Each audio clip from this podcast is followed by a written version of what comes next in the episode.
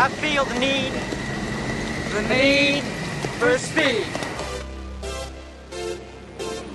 Ah, good afternoon, sir, and how are we today? Better, Better? better get a bucket. I'm gonna throw up. Ah, Gaston, a bucket for monsieur. Cześć czołem, witajcie w dokładce numer 16. Ja nazywam się Grzegorz Wojewoda, czyli Pres Perez, a ze mną dzisiaj jest śmietanka wybitnych gości. Jest ze mną Piotr Modzelewski z podcastu. Witamy Piotrze. No hej.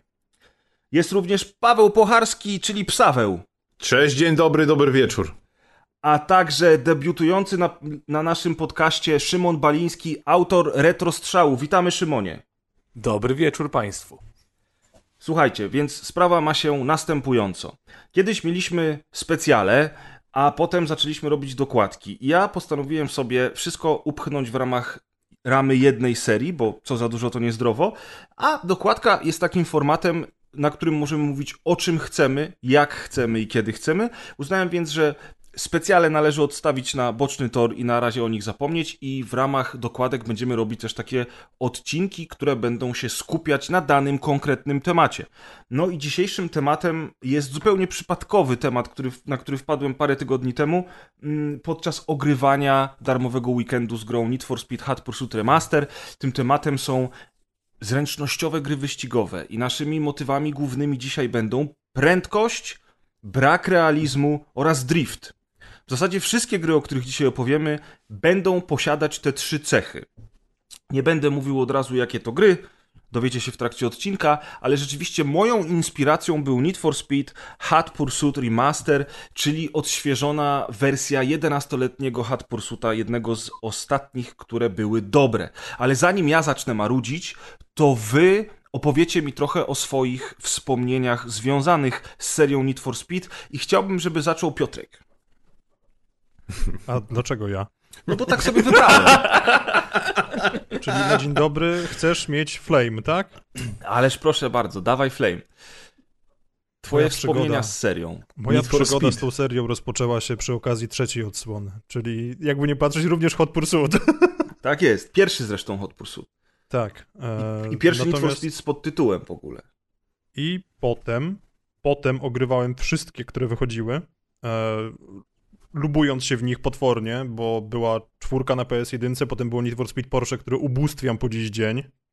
E, nawet jeżeli to było, to są bardzo bolesne wspomnienia, bo jak grałem z kumplem w piątkę, to nie mieliśmy karty pamięci. I tam się chodziło erami, w sensie, że było Classic Era, potem Modern i tak dalej. I Tak jest. przy okazji tego, jak dotarliśmy do tej najnowszej, najbardziej współczesnej ery, to jego Rottweilerka przeszła za konsolą i wyłączyła nam ją. Więc klasyk, taki mm, szewskis. E, natomiast, no, jakby zaczęliśmy po prostu od nowa. Pojechaliśmy po kartę pamięci do sklepu. Czyli, przepraszam, rodzice nas zawieźli i dali nam pieniądze na kartę pamięci. to były jeszcze takie czasy. Ile I kosztowała potem- wtedy karta pamięci? O Nie rany. pamiętam. Za diabło, ale 250 zł? Nie, nie wiem. One były bardzo drogie, na PS1 zwłaszcza. I wtedy 250 zł to było mniej więcej tyle, co dzisiaj musiałbyś dać z tysiaka za taką kartę pamięci. To No, to, koszmarne to, to łatwo sprawdzić, bo można by po prostu wziąć jakiś numer Neo na przykład i zobaczyć cenniki z tamtego okresu, ale no. Domyślam No tak, się, ale- ale było dużo kasy. to było to. Było to. e, I pamiętam, że potem się bardzo mocno załamywaliśmy, ponieważ dostaliśmy te najlepsze samochody typu 911 GT1, tą z Le Mans z 2000 roku i okazywało się, że drzwi kosztują tyle, co normalne 911 Turbo. I to nas troszkę po prostu trzepnęło po kieszeni w tej grze. Natomiast no potem no, oczywiście nadeszła era undergroundów, którymi się maniakowałem, tak jak wszyscy zresztą, no bo kultura neonów właśnie, drum, dum, dum i tak dalej. Tak, to ciekawe w ogóle, że Need for Speed Porsche, o którym mówiłeś, przez wszystkich jest uznawane za bardzo udane, ale faktycznie tym najbardziej kultowym tytułem z serii to jest właśnie Underground. Czy to dlatego, że wszystkich nas trochę ciągnie w stronę wioski i takiego wiejskiego tuningu oraz Nie, no, złej spokój, muzyki? To, nie, nie, nie, nie, chwilę. Wtedy to nie było postrzegane w ten sposób. Wtedy, wiesz, to po prostu było absolutne epitafium zajebistości. No daj spokój. Oczywiście, że tak. Panie. Da, Znaczy, ram, dam, ja tutaj dam. nie chcę mówić, że mamy eksperta, który swojego fokusa przerobił. No kurde. No kurde, ja miałem przecież Focusa drugiej generacji, który Pierwszej. był... Pierwszej po facelifcie. No tak, pierwszy po facelifcie. Widzicie, Piotrek wie czym lepiej, czym ja jeździłem za, za młodo. To było tak dawno temu, że już, że już nie pamiętam. I to było ogólnie, to była wersja pięciodrzwiowa, ale z, zaszpachlowałem klamki z tyłu i wyglądał jak wersja dwudrzwiowa, która e, ma za krótkie drzwi, ale przednie drzwi były otwierane do góry. E, był dwukolorowy, góra była czarna, natomiast dół był czerwony, dobrany z lakieru z motocykla. To była w ogóle masakra, bo w tamtych czasach nikt kompletnie nie wiedział, jak położyć e, lakier z motocykla na tak dużej powierzchni. Oni go tam kilkanaście razy malowali i, i znienawidzili mnie strasznie za to. E, próbował nawet mieć raz zawieszenie pneumatyczne, ale, ale to bardzo nie wyszło i po prostu samochód, e, samochód upadł na ziemię i tak się skończyła jego przygoda i wtedy go sprzedałem. To były... A, i zamiast koła zapachowego był głośnik. No kurczę, stary w ogóle to opowieść. On, Paweł był efektywnie najfajniejszym dzieciakiem na osiedlu. Ale że było najlepsze, jak ludzie słyszeli, jaką muzę ja słucham, to było największe zaskoczenie, bo ja słuchałem metalu i po prostu metal z tych wzmacniaczy i tych gigantycznych głośników, które gdzieś tam z tyłu były, e, było dziwną kombinacją, jak na tamte czasy i jak na, na tuning, który raczej był kojarzony z innym gatunkiem muzyki. Dokładnie. Tylko, że nu metal całkiem ładnie się komponował z tamtą stylistyką. Przecież w, Mm. y, od under, Undergrounda na przykład. To nie był new metal.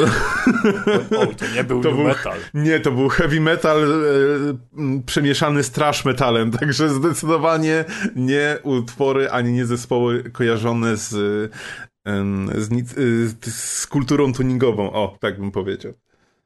No to powiem szczerze, że bardzo ciekawa historia. Nie spodziewałem się jej.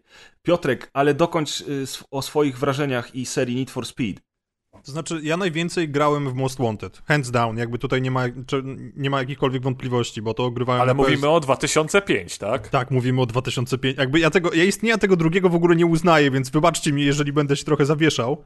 E, Spoko. natomiast tak, to jest 2005 roku, bo pamiętam, że ustawiłem sobie za punkt honoru, żeby po prostu tam w tych e, rad- radosnych pościgach, na, pościgach nabić sobie jak najwyższe bounty i tam do ostatniego, do tego numeru jeden na czarnej liście. Potrzebne W ogóle było tylko 10 fan, milionów. tylko, fan, tylko fun fact na szybko. y, 16 milionów sprzedanych kopii do dzisiaj najlepiej sprzedająca się odsłona Need for Speeda. O, proszę, o tym nie wiedziałem. Do dzisiaj.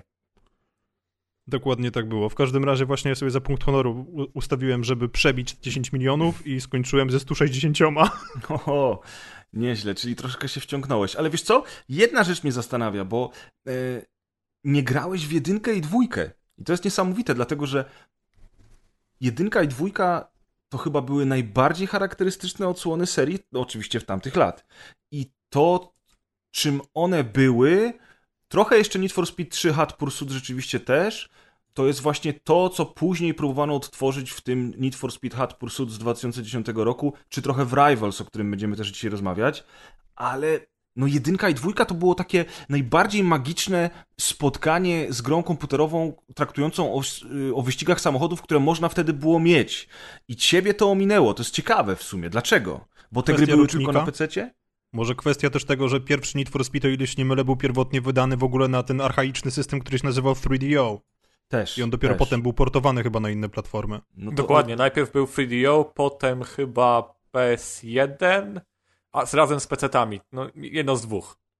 W każdym razie jedynka i dwójka Need for Speeda traktowały o wyścigach super szybkich samochodów po bezdrożach Ameryki, po bardzo szerokich autostradach, pustyniach i tak dalej. To jest coś, co też było bardzo charakterystyczne dla gier w tamtym okresie. Oczywiście była seria Test Drive Unlimited, która była jeszcze przed Need for Speedem. E, I gdybyście spojrzeli Test na Drive. dzisiaj... Grzesiu, Test Przepraszam, Drive. Test Drive, masz rację. Test Drive Unlimited to, to oczywiście była kontynuacja wiele lat później. Seria Test Drive, która była wcześniej, w której było dużo fajnych y, rozwiązań i bardzo podobny klimat, natomiast to były nieco inne gry, no i Test Drive dzisiaj już praktycznie jest niegrywalny z perspektywy współczesnego gracza, a myślę, że jakbyście uruchomili sobie pierwszego Need for Speeda, to jeszcze moglibyście trochę czasu z nim spędzić, dobrze się bawiąc. No ale to takie ciekawe właśnie, dlatego się pytałem cię, Piotr, jak to się stało, że, że to cię ominęło. Znam już odpowiedź.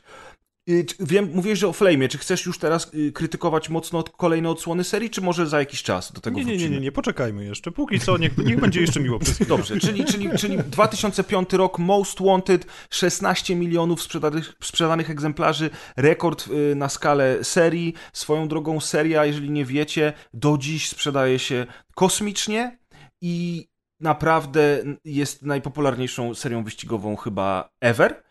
O cyfrach nie będziemy mówić, ale, ale uwierzcie mi na słowo, Need for Speed to jest taka marka jak Call of Duty czy FIFA, która po prostu sprzedaje się tylko i wyłącznie za to, że ma w tytule właśnie Need for Speed.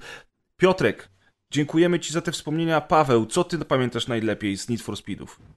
Ja na pewno ogrywałem dwójkę. Jedynki wydaje mi się, że nie ogrywałem, ale jedynkę ogrywałem chyba na, na jakimś swoim archaicznym e, pececie. Ludzie, E, co du- jest z Wami? Dużo z dwójki właśnie nie pamiętam, bo nawet sobie przypominałem, jak ona wyglądała i tak dalej. Jednak najwięcej, najwięcej wspomnień mam podobnie jak Piotrek z Need for Speeda trójki Hot Pursuita, który ogrywałem na, na, na No to PSX-ie. zupełnie inaczej, ale to I-. I tak byłem zakochany w tej grze wraz z moim kolegą y, Grześkiem, którego bardzo serdecznie pozdrawiam, że my w ogóle... Nie, nie ty. Domyśliłem się, domyśliłem się, Paweł. Do tego stopnia, że my odpalaliśmy sobie, mm, nie pamiętam jak się trasa na, nazywała, ale to jest teraz mniej istotne, ale odpalaliśmy sobie jedną konkretną trasę, którą uwielbialiśmy i jeździliśmy pod prąd, bo jeżeli się jeździło pod prąd, to można było jeździć dłużej niż te 8 okrążeń.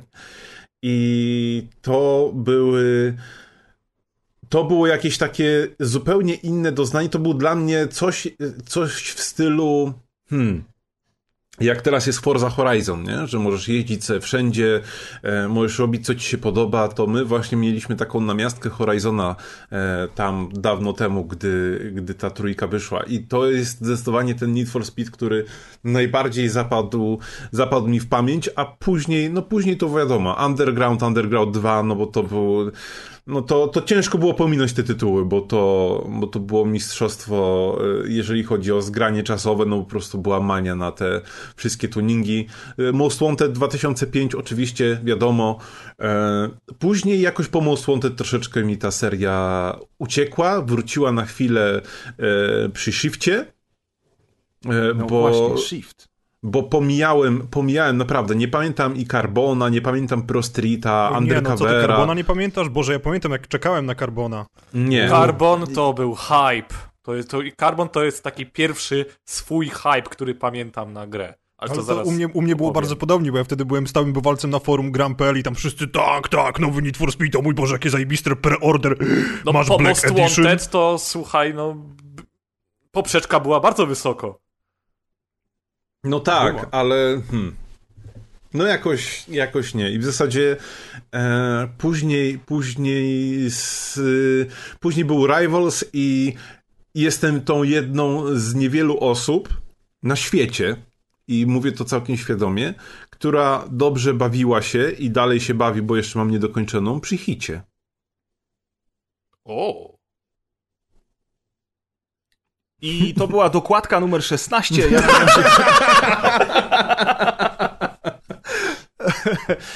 No, dobrze, to chętnie o tym posłucham jeszcze dzisiaj. Dlaczego dobrze Paweł, bawisz się unsubscribe. Dokładnie, no.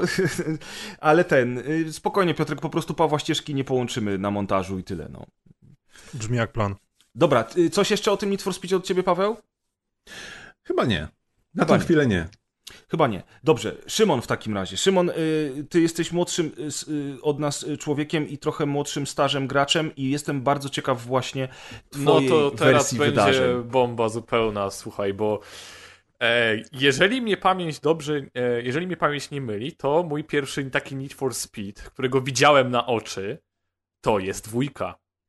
Na PC-cie, gdzieś No, tam u sąsiada.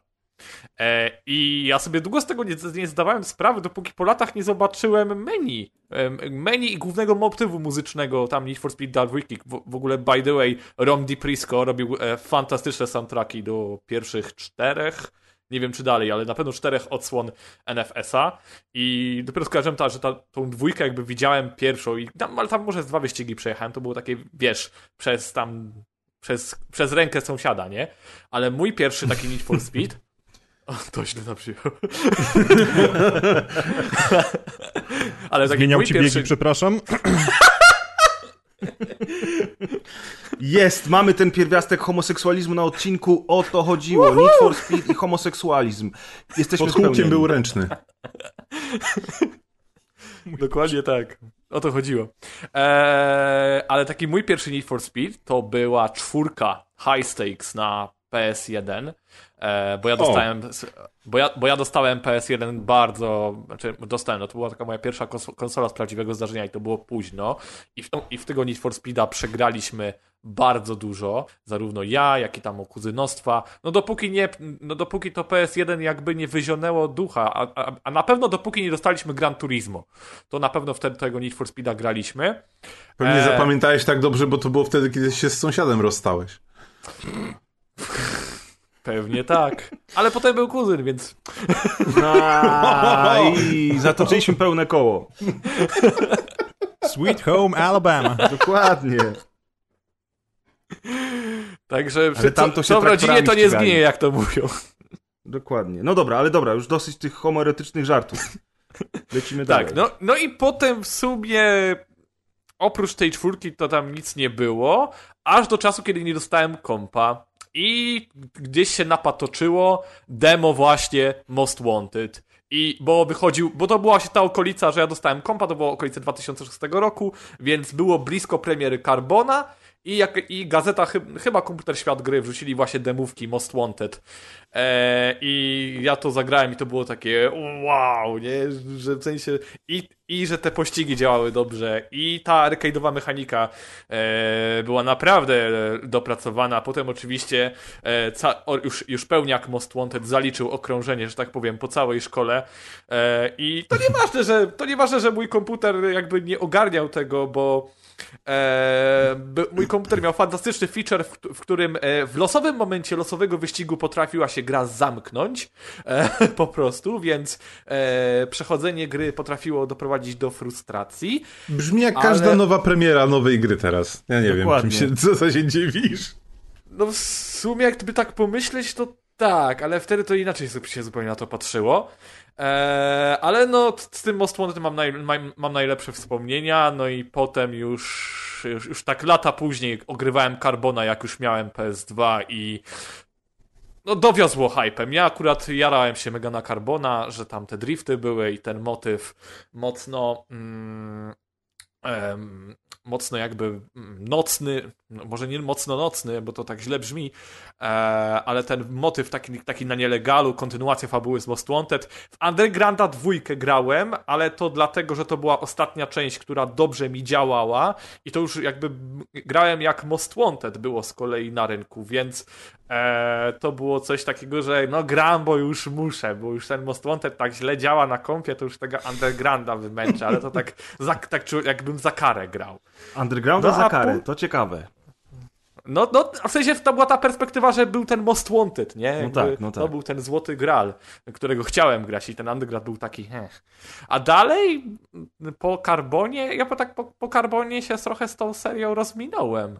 E, I dopiero teraz tak jakby do niej wracam, właśnie przy tym Hot Pursuit Remastered, który tak, bo akurat tak wyszło, że e, u nas jakby na pogranych musiałem recenzować, znaczy musiałem, chciałem recenzować ten remaster i tak stwierdziłem, w sumie to Criterion dobrą robotę odwalił, więc czemu... Więc mnie jeszcze, więc, mnie- więc ja tylko to skończę, jeszcze mnie ciekawią te odsłony, które, prze, e, przez które Slightly Met się przetoczyło, czyli shifty.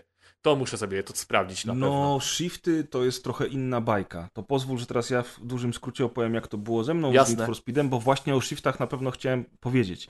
E, Ja klasycznie zacząłem od pierwszej i drugiej części gry. Klasycznie jak na tamte lata to było granie u wujka na komputerze, a potem u kuzyna na komputerze, dlatego że ja nie miałem wtedy dobrego peceta, żeby te gry udź- udźwignął. I to była magia, to jak te gry wyglądały, to jak, jak ta, ta, te trasy wyglądały i do tego jeszcze Ale muzyka. nie wiem, czy pamiętasz, czy grałeś na trybie tych software'owym, czy normalnie na Voodoo? Szczerze mówiąc nie Jesus. pamiętam, ale jeżeli grałem na Voodoo, to już w dwójce. Jedynkę raczej software'owo. Dwójka pamiętam, że miała już tak Tak, bo to robiło wtedy różnicę. robiło ogromną różnicę, dlatego ja pamiętam, że ja nie mogłem w ogóle grać w dwójkę, bo ona mi tak tragicznie źle chodziła, że po uruchomieniu to były może trzy klatki. I dlatego grałem u kuzyna. Yy, I to były ma magiczne chwile, które ja będę pamiętał do końca życia, bo to były te takie gry, które były troszeczkę na wyciągnięcie ręki, ale nieosiągalne na tych sprzętach, których u mnie w domu nie było, więc jak się jechało do wujka czy do kuzyna, to miało się ten taki, takie święta w przyszły w tym roku wcześniej, Grzesiu. Tak. No i, Tak. no i oczywiście potem ta seria była tłuczona przeze mnie, przez wszystkich moich znajomych dookoła, z części na część. Pamiętam trójkę, od której zaczynał Piotrek, a którą wspominam bardzo dobrze. I to, że ona wprowadziła pościgi policyjne, to było niesamowite jak na tamte lata i to była super frajda. Pamiętam czwórkę, o której mówił Szymon. Y, Czwórka była bardzo dobrą grą i pamiętam, że to był wtedy, to był wtedy szczyt możliwości graficznych i czwórka wyglądała fotorealistycznie, jak się na to patrzyło. Jak się na to spojrzycie, to to wyglądało jak wycięte No. z kartonu. Ale wtedy to było fotorealistyczne. No, tak samo wszyscy mówili o pierwszym Gran Turismo, nie? A teraz jak się do tego wraca, to tak... Ja Tak. do dzisiaj pamiętam, jak, jak czekałem dobre pół dnia, jak pobierałem em, z internetu trailer do, do Gran Turismo.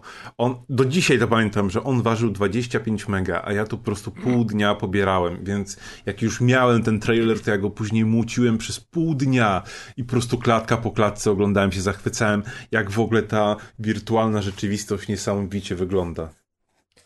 No, ale nie, nie, jeszcze tak do tej czwórki na chwilę, bo mi się wydaje, że ona po trójce już nie robiła takiego dobrego wrażenia, że tam nie było aż tyle nowości w porównaniu do trójki. No nie, oczywiście, Nie- że nie, ale wiesz, gdyby się nad tym zastanowić, to przez całą serię tych nowości jest niewiele. W Need for Speed Hot Pursuit, czyli w Need for Speed 3 Hot Pursuit, żebyśmy byli e, bardziej precyzyjni, pojawili się policjanci i od tamtej pory mieliśmy co? Tuning, ok? Mieliśmy jakąś linię fabularną, którą nie wiem po co ktokolwiek wprowadzał do gier wyścigowych. Ej, Ona jest urocza. Ona, ona w Most Wanted była urocza. Tak. I nie mówię o aktorce. Powiedzmy. I jeszcze gdzieś w tym wszystkim potem pojawiła się od, ta odskocznia w postaci Slightly Mad Studios, ale te gry się niestety nie sprzedały, yy, a szkoda, bo to były genialne gry. Czyli tak, Porsche oczywiście z wami się zgadzam, Undergroundy, jedynka przede wszystkim, dwójka już niekoniecznie. Jedynka, jedynka to jest coś, przy czym ja też spędziłem strasznie dużo czasu. Pamiętam oczywiście Carbona, ale w sumie jak przez mgłę. Most Wanted, jak najbardziej. Most Wanted ogrywałem zarówno na PC, jak i na PlayStation 2 i pamiętam, że, że to była tak, to było opus magnum serii, to było coś, co wszyscy doskonale do dzisiaj pamiętamy. I od tego Hot Pursuit, o którym dzisiaj będziemy rozmawiać, od tego z 2010 roku, to ja się bardzo szybko odbiłem. Dopiero ten remaster mnie do siebie przekonał. Potem było, było parę gier, których w ogóle nie pamiętam i było wreszcie Rivals i Rivals y, skradło moje serce. Wiem, że część z was się ze mną dzisiaj nie zgodzi z tą opinią, ale, ale to widocznie jest kwestia gustu, o tym też będziemy dzisiaj rozmawiali. Natomiast po Rivals już nigdy nie było niczego dobrego dla mnie w tej serii. I to wszystko, co się pojawiło później, to już jest, to już jest duże mech, żeby nie powiedzieć, że zawód, ale właśnie shifty uważam, że były świetne, bo one były czymś nowym, czymś świeżym dla serii, ale też dla samochodówek w ogóle, chociaż wtedy już mieliśmy Tokę i oczywiście było Gran Turismo na konsolach Grid już był. był grid, ale jednak te shifty, te shifty jednak spowodowały, że ja troszeczkę bardziej przeskoczyłem na to, wiecie, ten semi-simulator, z tego takiego typowego arcade. Właśnie oczywiście ogrywałem już Tokę wcześniej, ogrywałem Grid i jakiś to był taki moment, kiedy po shifcie pierwszym i drugim te takie typowe zręcznościówki przestały mnie tak mocno ciągnąć do siebie i przeskoczyłem na gry bardziej semi-symulacyjne. Oczywiście o Dorosłeś. symulacjach. Tak, dorosłem. No i teraz właśnie, i teraz po tych wszystkich latach jest jakiś taki weekend, jest środek pandemii, wszyscy mamy trochę dość, wszyscy, wszyscy jesteśmy trochę nihilistami już yy, i nie chce nam się. No i nagle patrzę, że jest ten Need for Speed Hot Pursuit Remastered za darmo na Xboxie przez weekend, bo na Xboxie jest taka opcja, że czasami niektóre gry można przez weekend ograć za darmo. No To i jest tak fajne, sobie... to jest fajne bardzo. Czy ja mogę jeszcze małą fajne. dygresję, bo Oczywiście. się bardzo rozpędziłem. Chcę małą dygresję zrobić odnośnie fabuły. Moim zdaniem fabuła e, w Need for Speedzie jako serii jest bardzo ważna. I to jest też coś, co wyróżniało właśnie tą serię od, y, od innych, że tutaj nie było samego takiego ścigania się jak w innych grach, że tylko odpalasz, masz race, championship, time attack i nie wiem, cokolwiek tam jeszcze, tylko właśnie tutaj były jakieś scenki, była jakaś dodatkowa motywacja i tak dalej. I bardzo mało gier w historii w ogóle em, e, tej branży e, podejmowało się robienia fabuły do, do gier motoryzacyjnych i jest bardzo mało przykładów, gdzie to w ogóle wyszło i było fajnie. Ja dalej pamiętam Toka miała fajną historię, naprawdę to dobrze motowało. Tak, najno- pierwsza toka miała fabułę. Te najnowsze e, F1, przecież te zeszłoroczne, dwa lata temu, ten, który będzie, będzie teraz, jak zaczęły mocno stawiać na, na fabułę i, i nagle się okazało, że jeżeli to jest zrobione dobrze i z pomyślunkiem, to to, to napa- naprawdę fajnie, fajnie wygląda. E, Need for Speedy, to ten Need for Speed, ten pierwszy, który miał być takim em, rebootem całej serii, ten bez, bez żadnej nazwy, Tak, Need to on był chyba z Speed 2015 2015, no. Pomijając, że tak powiem, y, samą grę jaka była, bo tam model jazdy i tak dalej, to mi nie pasowało. Natomiast ta taka dziwna ziomalskość, ta taka wymuszona aktorskość tych, tych ludzi i tych bohaterów, którzy y, y, tam często y, z byciem aktorem to nic nie mieli wspólnego, to było coś, mi się to podobało, w sensie to był, to był taki troszeczkę e, cringe i troszeczkę tak e, mrużyłem przy tym oczy, ale to było takie, że ja się tego spodziewałem po tej serii i, i pod tym względem to mi dowiozło. Ja sobie nie wyobrażam Need for Speeda, który jest grą arkadową, który nie ma totalnie żadnej jakiejś fabuły. Nawet, nawet Rivals ma taką tyci, tyci, tyci fa fabułeczkę, w sensie masz jakiś... Lore. Tak, taki lore, to jest bardzo dobre określenie. Ma jakiś taki podkład, po co to wszystko tak naprawdę jest. No I moim ja zdaniem to jest bardzo ważne dla serii. Rivals miało podkład, no ale zobacz, mówisz, że to jest bardzo ważne dla serii, ale Need for Speed Hot Pursuit, o którym będziemy dzisiaj mówili, nie ma w ogóle fabuły. Nie ma. Kto powiedział, że to jest dobra gra? O, o, okej, dobra, to zobaczymy. Znaczy, okej, to jest, słuchaj, Pa- Paweł, to jest kwestia gustu. Ja na przykład jestem absolutnym przeciwnikiem fabuły w grach wyścigowych i uważam, że nie było ani jednej gry wyścigowej, która miała dobrą fabułę. Jedyną grą, grą z samochodem, która miała dobrą fabułę, był ostatni zapomniany przez wszystkich driver. Ten, w którym jako kierowca przeskakiwaliśmy pomiędzy ciałami innych kierowców. Driver tam- San Francisco? San Francisco, dokładnie. To, to, to miało coś, co mogło być interesującą fabułą w grze, a jeżeli chodzi o gry wyścigowe, no to A Mad Max? mówiąc... Ale Mad Max nie jest grą wyścigową.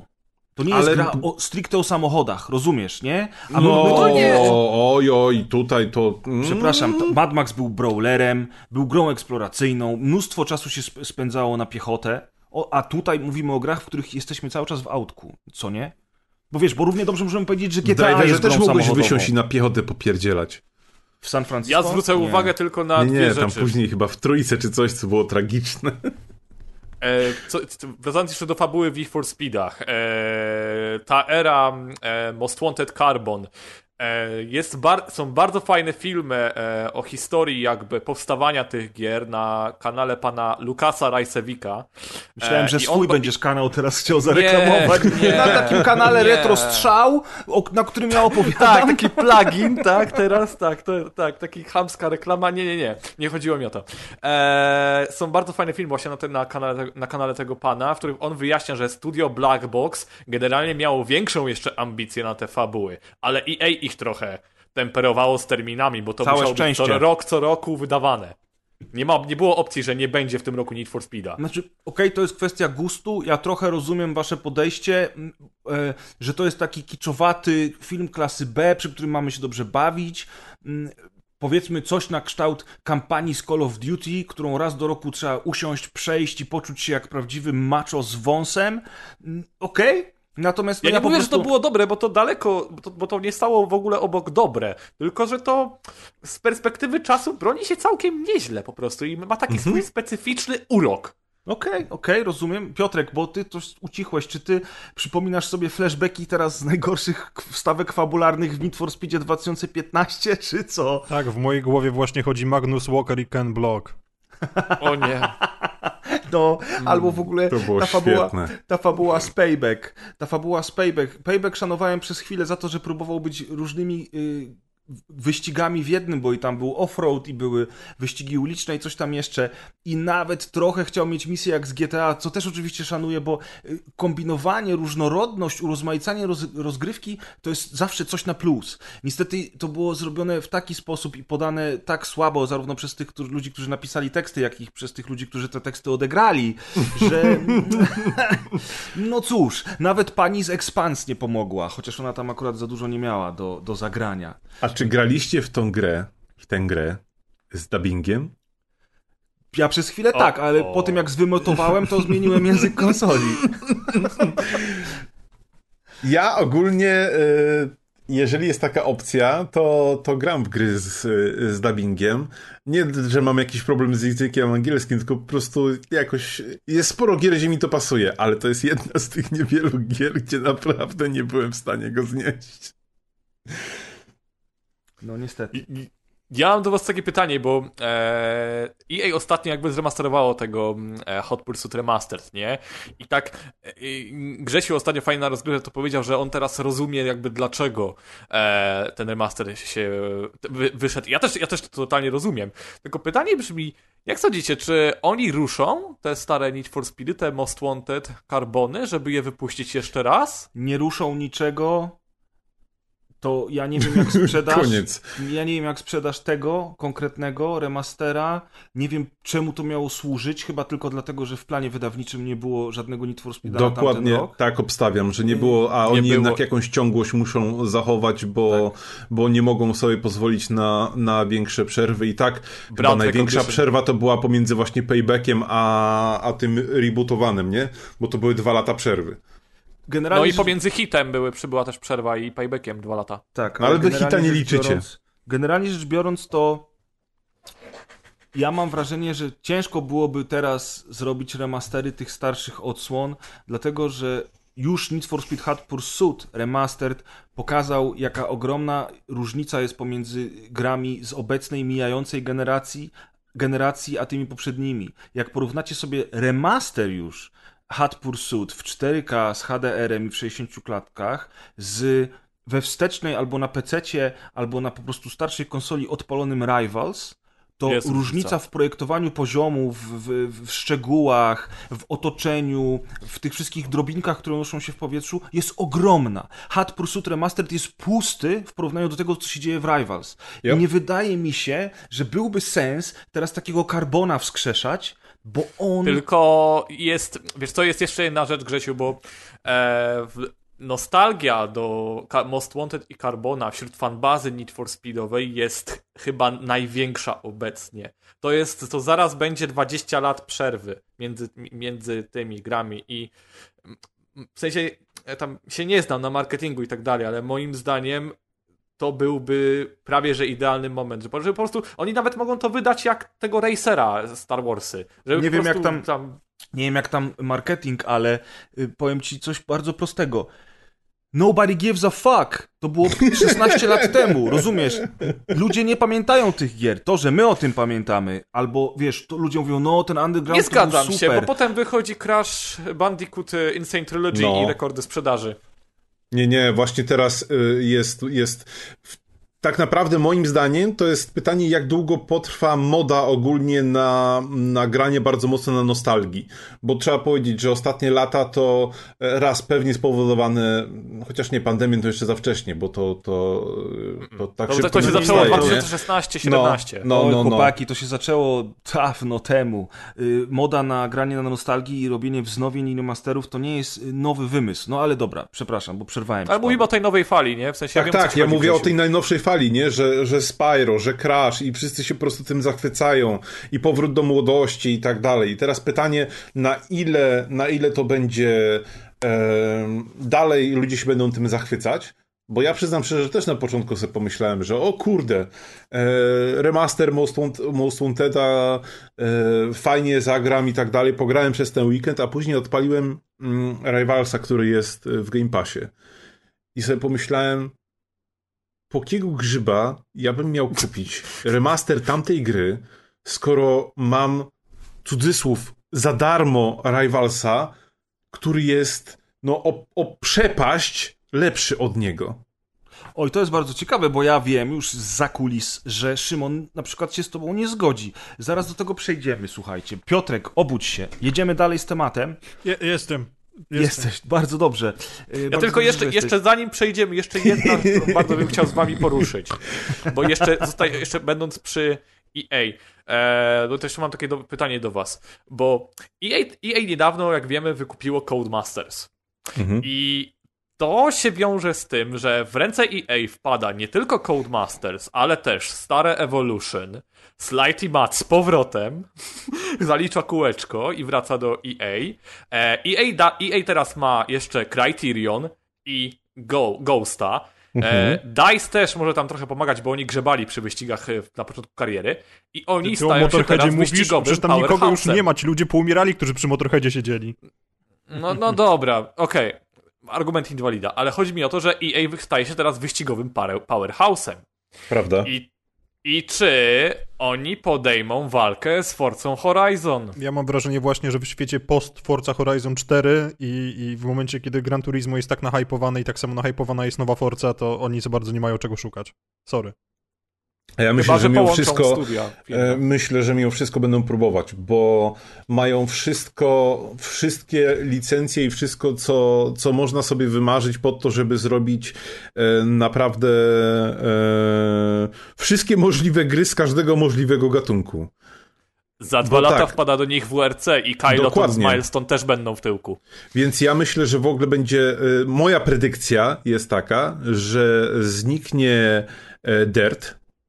Zostanie tylko. e, Że, przepraszam, że zniknie e, Dirt Rally. O nie. De- Dirt Rally zostanie zastąpiony e, serią WRC już na oficjalnie, no bo skoro będą mieć licencję, to będą A, z niej no, korzystać pełną spoko. gębą. Być. zostanie tylko Dirt. E, mają licencję F1 teraz już. E, mają e, Slightly Mad Studios, więc być może kolejna wersja e, Project Carsa będzie symulacją, a nie jakąś pierdołą nie wiadomo czym. Oj tam, Kasztanem. zaraz wielce, ja się dobrze bawiłem z tą odsłoną. Przestań. To nie lubię, jak ktoś szkaluje tą trójkę. Okej, pomylili się trochę, mogliby to nazwać na przykład Project Cars spin-off i wszyscy byliby szczęśliwi, to prawda. Project Cars Kasztan. Project Cars Andromeda. O, tak, o, O pięknie. nie, Project o nie, Cars nie, Andromeda, nie, nie tak. wchodzimy w ogóle w ten temat nawet. Tak. Dobra, lecimy Ale dalej. myślę, że, że w końcu zrobią jakiegoś takiego Need for Speeda, znowu będą mówić, że to reboot serii i tak dalej, bo moja kolejna predykcja jest taka, że Microsoft bardzo mocno rozdzieli em, kolejne, kolejne dwie Forzy, które nas będą czekać. Wiadomo, że Horizon się pojawi, pojawi nowy e, prędzej czy później. Niestety. I, em, Co? że pojawi się Niestety. też i Wiesz co, mam już dosyć tej konwencji. Przez Horizon wszystkie gry teraz chcą być jak Horizon i od 10 lat dostajemy Horizon. ale Nie, Horizon, zawsze... jest za, Horizon jest za dobry. Oni, Ale oni zawsze up. przecież jest tak, że pojawia się jakaś gra, która staje się hitem i wszyscy nagle chcą być tą grą. No przecież Znaczy, to jest... Wiesz, no nie zrozum mnie źle, ja uwielbiam Horizon, zwłaszcza pierwszą część, Kłamiesz. jestem wyjątkowy. Kocham pierwszego Forza Horizon, bardzo lubię dwójkę, całkiem lubię trójkę, bardzo lubię czwórkę, czwórka, czwórka jest naprawdę udana, ale mam dosyć tej konwencji. Mam dosyć tego klimatu i mam dosyć tego, że wszyscy ich kopiują, bo potem dostajemy takie to tak, to wysrywy tak, jak to, to nowe jest Need for Speedy. Ja myślę, że ogólnie teraz będzie większy, większą będą mieć, yy, większy będą mieć problem twórcy z y, przybiciem się, bo tak, Forza Motorsport będzie miała, tak nazwijmy to reboot, bo wychodzi bez cyferki. I ja się zastanawiam, czy y, kolejny Horizon też przypadkiem nie wyjdzie bez cyferki i to będą gry, usługi, które pozostaną, wiesz, już będzie po prostu na zawsze będzie Na Forza 10 lat Motorsport, która, tak, która będzie rozwijana, dodawana i tak dalej. I czy tego samego nie zrobią z Horizonem, który będzie po prostu jakąś kolejną tam wyspą, czy, czy strefą, która będzie co, coraz bardziej się rozrastała, rozrastała. Więc, żeby w ogóle podejść do takiego tematu, no to ja nie wiem, co będą musieli zrobić. Yy, Czekamy teraz też t- na nowego test drive'a, który będzie no, kontynuacją Unlimited, tak? No to Kylo to on robi, tak. Mm. No, ja ci powiem, że ich, ich gry mają potencjał i jeżeli tego nie spartolą i dostaną wystarczająco budżetu, to, to Właśnie widzę to tutaj jest możliwości. To, bo Kyloton przy budżecie potrafi, tylko... No właśnie, budżet. Bardzo fajnie, że w ogóle mówimy teraz o Forcy Horizon i o grach z otwartym światem, bo właśnie ten Need for Speed Hot Pursuit remastered, czy też nie remastered, ten zaczynnik dzisiejszej dokładki przypomniał mi, jak to fajnie było, jak wyścigi kiedyś były wyścigami. I nie były o, o zbieraniu samochodów, o, znaczy, o dobra, zbieranie samochodów zawsze było. Przepraszam, nie były o zbieraniu domów, o zbieraniu ciuchów, nie były o e, socjalowych spędach, gdzie robiło się screenshoty, nie, nie próbowały mieć otwartego świata za wszelką cenę, więc wymyślały zadania w stylu niszcz billboardy, kurwa, najbardziej innowacyjna rzecz w grach wyścigowych ever, niszcz Słuchaj, billboardy. mordo, jak mi jeszcze raz na Paradise'a najedziesz, to pogadamy trochę inaczej. Nie, ja akurat myślałem o Forcie, bo w Forcie też to jest. Ale dobra, w Paradise, Paradise też tak jest. Rację. To jest dopiero Paradise. gówniana gra. Dziękuję, dzie- dziękuję, Paweł, dziękuję. Ale sympatyczny. do Paradise'a przejdziemy oczywiście, do Paradise'a. Yy, więc o co mi Będzie o chodzi? burnoutach, spokojnie. Bardzo się ucieszyłem, mówię, kurczę, to jest, to jest świetna gra. Pamiętam, jak razem z Kuldanem recenzowaliśmy tego grida najnowszego, tego, który wyszedł dwa lata temu.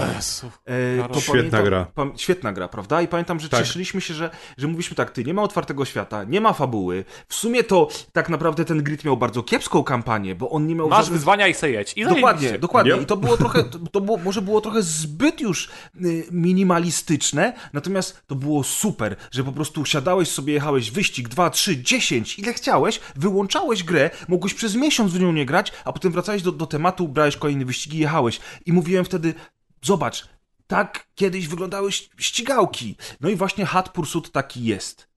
Mam wyścigi, mam klasy, mam rodzaje tych mistrzostw, czy tam Masz eventów. mapkę, wybierasz sobie wyzwania i Tak, lecisz. i jadę.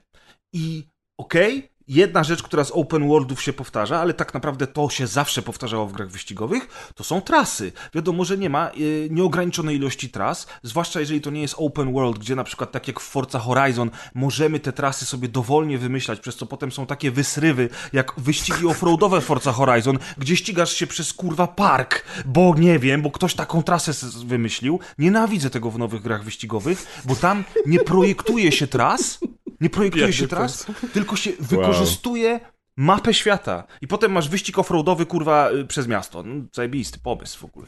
No, i jakby, i masz tutaj ten, i masz w tym Need for Speedzie tą prostotę płynącą z kilku mechanik, z tras zaprojektowanych tylko w jednym celu i po prostu radość z, te, z tego pędu, tego właśnie Need for Speed, tym czym ten, ta seria tytułowa zawsze była. Ta, ta dzika radość płynąca z wyścigów. Dochodzą wszystkie te elementy z policjantami, kiedy ty jako wyścigowiec, kierowca wyścigowy, masz parę mechanik, który, które możesz wykorzystać, żeby nie tylko pokonać policjantów, ale też innych rajdowców, a jednocześnie tylko parę rzeczy, których ty musisz się nauczyć, żeby unikać na trasie podczas wyścigu, jak chociażby helikopter, który rzuca kolczatkę, ale jeżeli na przykład nie masz ochoty na policjantów, to będziesz jechał tylko i wyłącznie zwykłe wyścigi albo próby czasowe, rób co chcesz i nagle się okazuje, że ta prostota tej zabawy, te naprawdę cztery przyciski na krzyż, których musisz się nauczyć i powtarzalne tempo tego, co robisz, to jest, to jest wszystko, czego potrzebujesz. Że jeżeli odpowiednio wymieszasz te składniki, to nawet prosty posiłek może być mega smaczny. Piotrek, zgadzasz się ze mną czy nie? Chrzanisz głupoty. I Po tak, i nie, bo z jednej strony ja rozumiem o co ci chodzi i to jest też powód, dla którego ja dalej gram w Burnouta Revenge. Yes! Super gra. Dokładnie. Mm. E, ale z drugiej strony jakby mi ta konstrukcja świata i rozgrywki na przykład w Horizonie nie przeszkadza, bo ja dalej w Horizonie trzaskam normalnie wszystkie daily. No okej, ale Smacznego. dziękuję. Ja powiem tak, zjedz sobie na spokojnie. Ja na przykład się z tobą nie Znowu zgadzam. zostałem przyłapany, znowu. Pa, pamiętaj, co mama mówiła przed podcastem. E, Właśnie, dokładnie. O wpierdalaniu. A dopiero co się przed nagraniem... ja wszystko słyszałem. Nie, do, dopiero, dopiero ten, co przed, przed nagraniem się chwaliłem chłopakom, że schudłem, a teraz właśnie jem ciastko. Ja się z tobą No o dlatego, tyle, że schód to je. No to... ja o tyle się z tobą nie zgodzę, że ty po prostu już robisz e, ten, twój cykl życiowy się tak zaczyna obracać. I tak jak kiedyś graliśmy cały czas, te, jak ty to nazwałeś, proste gry, gdzie e, Arkadówki. startowało się arkadówki, czy jakiekolwiek, po prostu od wyścigu do wyścigu i nagle pojawił się pierwszy open world i wtedy wszyscy, Jezus Maria, objawienie, to ja teraz, Ja na ten wyścig muszę dojechać sam i mogę do niego jechać z lewej i z prawej i po prostu i wszyscy zaczęli to robić. I teraz już mamy przesyt tego i, i zaczynamy doceniać tą prostotę. Natomiast ja widzę miejsce dla różnych tego typu gier i e, absolutnie nie mówię tak, że jestem haterem open worldów, bo jeżeli one są dobrze zrobione, to są super i na przykład to, że w Forzie można zrobić sobie dowolną trasę i jechać sobie przez plac zabaw, a później po plaży, a później przez zamek jest super i jest fajnie zaprojektowany i mi to absolutnie nie przeszkadza, ale tak samo będę doceniać grę, która ma bardzo wymuskane trasy, dopracowane i do, dopasowane do, te, do modelu jazdy i do tego, co e, gra s- e, sobą reprezentuje. I ja z tym jestem okej. Po prostu, jeżeli ktoś mi przedstawi pomysł na grę, który jest dobrze zrealizowany, to, to ja to kupię. I, I to jest tyle. Najgorsze, co może być, to jeżeli właśnie pojawiają się gry, które starają się naśladować innych i wrzucać jak najwięcej, jak najwięcej pomysłów. Dla mnie taką grą jest na przykład The Crew. Tak, o Boże, dzięki, O że to Boże. powiedziałeś. I The Crew miało o tyle fajny pomysł, że, że mi się The Crew podobało 2 to... jest super, zamknijcie mordy. Co? Ja mówię- Co mówiłeś?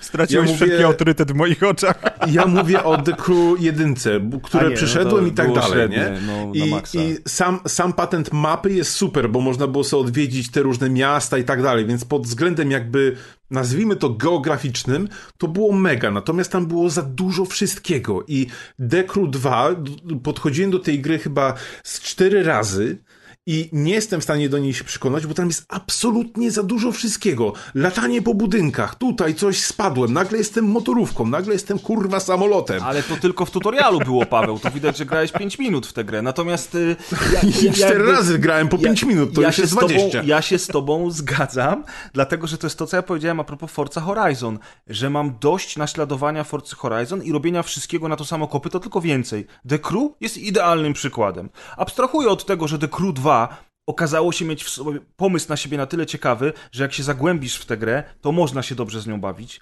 Na przykład um, omijając zupełnie wyścigi motorówek albo latanie samolotem. Możesz tylko jeździć sobie off-road, co ja na przykład robiłem. Więc tam jest dużo rzeczy, które można sobie wybrać, ale rzeczywiście te otwarte światy są przytłaczające. I oczywiście ja nie mówię, że ich nie ma być, bo teraz wojewoda zmienił zdanie i on nagle nie chce mieć open worldów. Wszyscy mają przestać robić open worldy. Nie, No broń jak Boże. widzę tutaj podanie napisałeś, koniec z open worldami w Ale grach szefem studia motoryzacyjnych. jest, jest zwykle Jak nie, to CEO, a nie wojewoda, to inaczej się nazywa. No, dokładnie. I W polskim sądzie to ja po wiesz, prostu- w ogóle już. To ja wolę nie.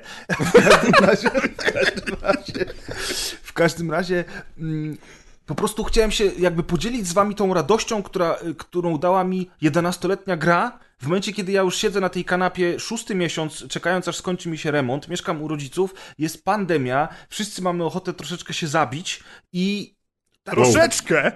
Nagle jest taki Need for Speed. Piotrek dołożył do... To- to- Cały obudził się. Zabić co? Rozmawiamy o śmierci? To teraz ja. Teraz ja. Teraz ja, ja też dokładnie. chcę.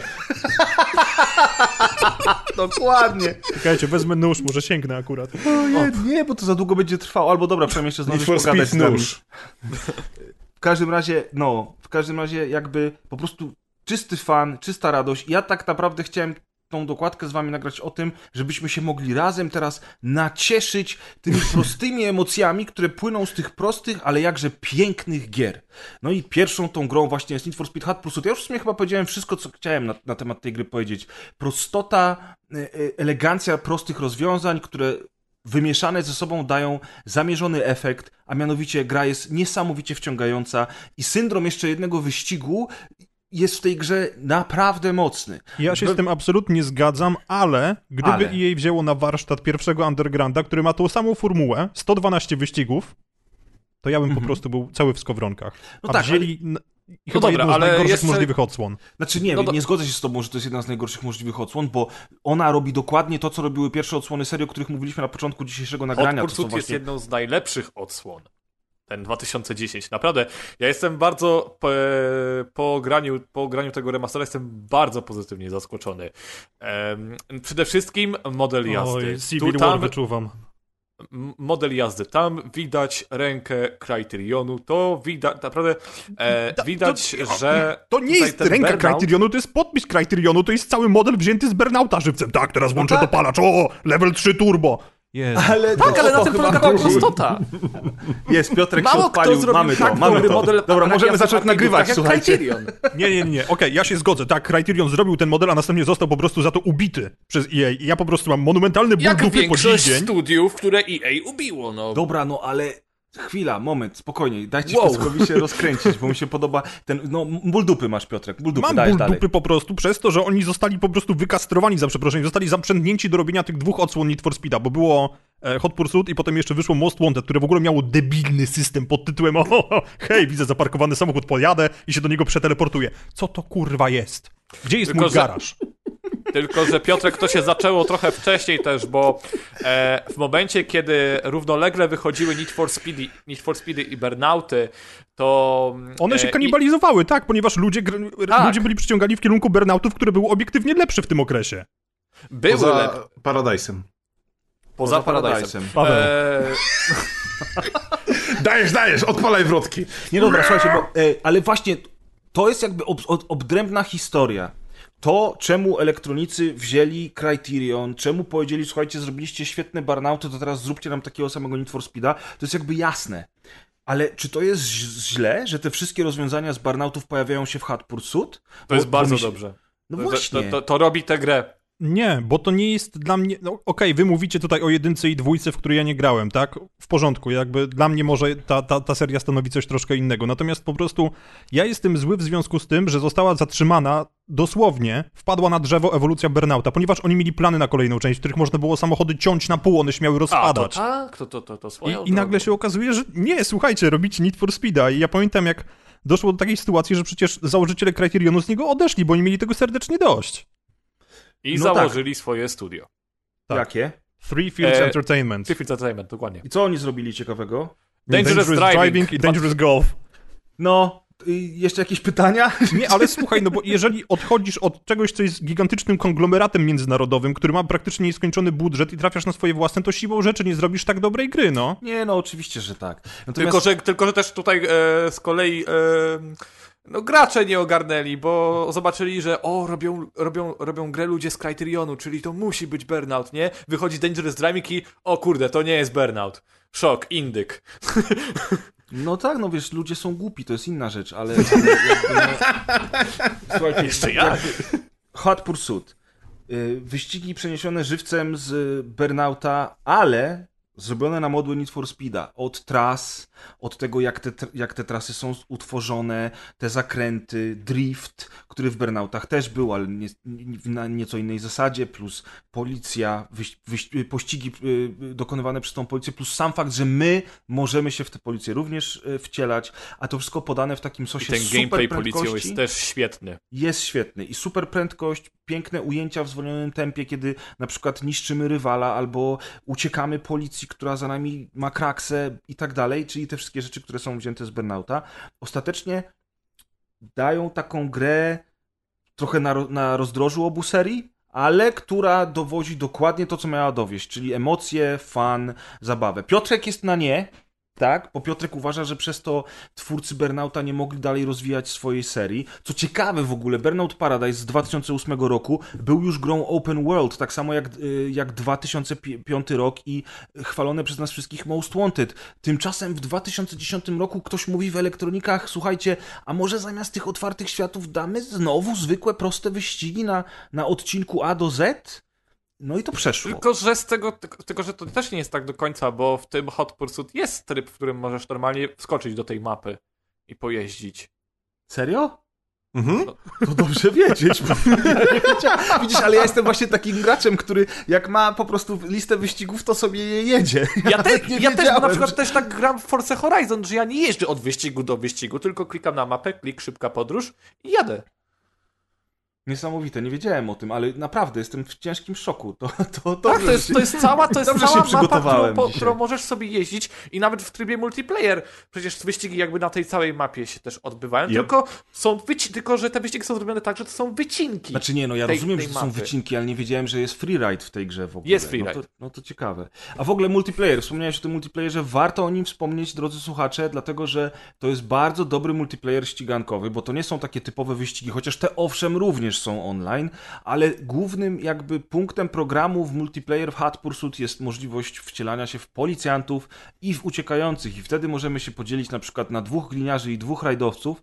Chyba tam jest 4 do drużynowe. 4, chyba 4 na 4 to jest max, o ile dobrze pamiętam i uwierzcie mi, ten tryb jest bardzo przyjemny, a ponieważ remaster dostał crossplay i tutaj akurat się wielkie brawa należą elektronikom, bo elektronicy wciskają crossplay gdzie się da i to jest super, to dzięki temu teraz możecie sobie w tego remastera zagrać ze znajomymi na różnych platformach i zebrać dzięki temu ekipę po prostu, która może się razem ścigać, a to jest świetna zabawa. To jest naprawdę fajne, ale jakby no to nie jest dzisiaj, nie będziemy się koncentrować na multi, ale chciałem o tym wspomnieć właśnie dlatego, że multi tej gry odżyło dzięki remasterowi, bo w ogóle to ja nie wiem, czy ten remaster był potrzebny jako produkt techniczny. To znaczy, jako gra, super, że to wyszło, świetnie, że jest crossplay, że znowu można pograć w multi dziesięcioletniej gry, ale technicznie ta gra naprawdę nie, nie, nie odstaje od tego, czym była 10 lat temu. Wiesz co z tego, że ma 4K? W- Wiesz co, właśnie e, dla PC-ów może nie, ale wersje na PlayStation 3 oraz Xboxa 360 i jest już w ogóle jeszcze jakaś osobna wersja na Wii, ale to już pomińmy. E, one działały w niepełnym 720p, więc jak to dzisiaj odpalisz na tych starych konsolach, no Oczywiście, to... ale to jest kwestia rozdzielczości, a remaster to trochę więcej niż sama rozdzielczość. I to, że tutaj jest inny depth of field, że działają HDR-y, to jak dla mnie jest trochę za mało, żeby widzieć sens wznawiania tej gry po dekadzie. Po dekadzie. A oni to zrobili. I, i trochę, trochę jakby Może jestem tym zawiedziony. Bo Wiesz, no- ta gra zasługiwała na to, żeby dostać troszeczkę więcej tego pudru, wiesz? A ona go nie ma. A, no to... Piotrek, widziałeś tą nową wersję? Tak, i musiałem patrzeć na to, która jest before, a która jest after. Dokładnie, bo nie widać kurwa różnicy. Nie, no aż tak źle nie jest. Nie no, na, na PC jest tak źle, bo z modami mogłeś to samo zrobić Na, na. PC, nie, nie, ja, nie, ja mówię o konsolach, to tam na PC No, ale. PC No, ciarstwo no. to swoim życiem żyje. No jest dobra, ale Paweł, chciałeś bronić e, tego remastera. To, to masz teraz swoje 30 sekund. Co? Bronić? Nie, ja właśnie powiedziałem na samym początku, kto powiedział, że, ten, że ta gra jest dobra. A no tak, ale nie, ja tylko ja powiem tak. E, jeżeli chodzi o, o ten sam remaster, jak zacząłem w niego grać, to stwierdziłem, że kurczę, faktycznie fajnie. E, tęskniłem za, za takimi grami, które są mocno nastawione na ten taki bardzo przyjemny drift i, e, i te szerokie trasy, które tam są i one są fajnie po prostu zaprojektowane. Widać, że są zaprojektowane typowo pod tę grę i to, i to jest fajne. Multiplayer myślę, że to jest coś, co, co będzie ludzi najdłużej trzymać przy tym tytule, bo ja miałem dwa efekty grania e, przez ten weekend w tego, w tego remastera. Po pierwsze, zatęskniłem za Burnoutem Revenge, a po drugie, odpaliłem e, Rivalsa i nagle, mając te dwie gry, stwierdziłem, że ja tego remastera totalnie nie potrzebuję. Coś w tym jest, coś w tym jest. Bo mam ładniejszego e, Rivalsa z open worldem, z pościgami i ze wszystkim. E, no minus oczywiście ten, e, ten crossplay. Yy, więc dla crossplayu, gdybym chciał pograć ze znajomymi, to to jest jedyny powód, do którego bym e, wrócił teraz do, do tego remastera. Natomiast jeżeli miałbym patrzeć na granie samemu, to absolutnie wolę Rivalsa, który moim zdaniem e, działa lepiej pod każdym względem, ma lepiej zaprojektowane trasy. No, e, lepiej... na 30 klatkach. Ja gram w 60 na PC, ale to zaraz do tego przejdziemy. lepiej wygląda i tak PC dalej. żyje co? swoim własnym życiem i co teraz, Szymon? Głupio ci? I wróciłem do, do Burnouta. Okazało się, że tam, e, że nie mam już swojej kopii z e, 360, ale zajrzałem sobie na, na sklep. Patrzę, że gra jest Wsteczna. za, za 37,5 zł. No to w ogóle no-brainer. Tak jest. E, Jak i, za darmo. I, i, po, I pograłem troszeczkę w tego, w tego Burnouta i to jest gra, która tak dobrze się trzyma mimo tych wszystkich swoich lat. Jest po prostu, no, to kiedy ona wyszła? 2006? 2006 wyszedł ten remaster na Xboxa, oryginalnie 2005. I to jest tak dobra gra. Nie wiem, czy możemy już przejść do Burnouta. Możemy przejść do Burnouta. Ale to jest. Potem kurczę, ja, bym, ja bym jeszcze do, do Rivalsów wrócił, ale ta kolejność jest dobra, bo, bo Burnout i Hot Pursuit są dosyć do siebie zbliżone. Rivals jest natomiast ewolucją Hot Pursuit, który jest ewolucją Burnouta, więc okej, okay, wrzućmy teraz y, Burnout Revenge i w ogóle całą serię, bo wiem, że wy wszyscy jesteście mega fanami serii i bardzo dobrze się na, na niej znacie. Ja przyznam szczerze, że trochę mniej, bo ja bardzo krótko miałem PlayStation 2, pograłem we wszystkie Burnouty, które tam były, pamiętam, że bawiłem się z nimi świetnie. Potem długo, długo nic. Od Paradise się niestety odbiłem, przykro mi Piotr. Y, a Revenge odświeżyłem sobie w ramach wstecznej właśnie, tak samo jak Paweł. Jak zobaczyłem, ile to kosztuje, to natychmiast kupiłem. Y, wow, jaka to jest dobra gra. Wow, no. jak tam się człowiek wciąga. Znowu syndrom jeszcze jednego wyścigu i nagle robi się czwarta rano. Nie to mam jest tylko tak dobra prośbę, gra. Może, może najpierw wyjaśnimy słuchaczom, czym się wyróżnia Burnout, bo dużo może są... Że... Wszystkim. To proszę bardzo, Szymon, wyjaśnij. Proszę, taki mądry to do tablicy. Tak jest. No dobra, e, więc generalnie e, Burnout, e, Burnout to jest seria wyścigowa, która, która przede wszystkim na tapet bierze niebezpieczną jazdę. To jest jedna z niewielu gier wyścigowych, które najpierw nagradzają cię za e, za to, jak niebezpiecznie jedziesz, a potem ewentualnie, jak uda ci się wygrać, to swoją drogą. E, jak, tak swoją drogą. Pierwsze odsłony, e, pierwsze odsłony skupiały się tylko właśnie na niebezpiecznej jeździe, czyli punktowały, e, punktowały mm, wyminięcia, e, jazdy na czołówkę, e, jazdę pod prąd, wszystko to, co teraz możecie jako punkciki zdobywać w Forcy Horizon, to właśnie od tego... W każdej grze, chciałbym powiedzieć, która ma możliwość jazdy pod prąd, to wszędzie jest to punktowane Tak. i wszyscy po prostu, i od tego to się zaczęło. Ja Drifty. tylko dodam jedną, No. jedną rzecz, która, bo pamiętam, że byłem, to, mnie tak w ogóle zafascynowało, bo wiecie, ja, to, to były czasy, gdzie, gdzie e, ja byłem zafascynowany motoryzacją i tak dalej. Pamiętam, jak czytałem artykuł, jak oni tworzyli te samochody, no bo to jednak jest gra, która nie miała licencji. No tutaj e, do tej pory To chyba to mówiliśmy, Mówiliśmy o grach, e, w zasadzie Need for Speed szczycił się zawsze tym, że to jest gra, która ma prawdziwe samochody i tak dalej. Natomiast No, tutaj nie... nie. zawsze, tak, ale... Nie, nie, nie. E, Natomiast tutaj e, Bardzo oni... mi się podoba ta dynamika Pawła i Piotra dzisiaj.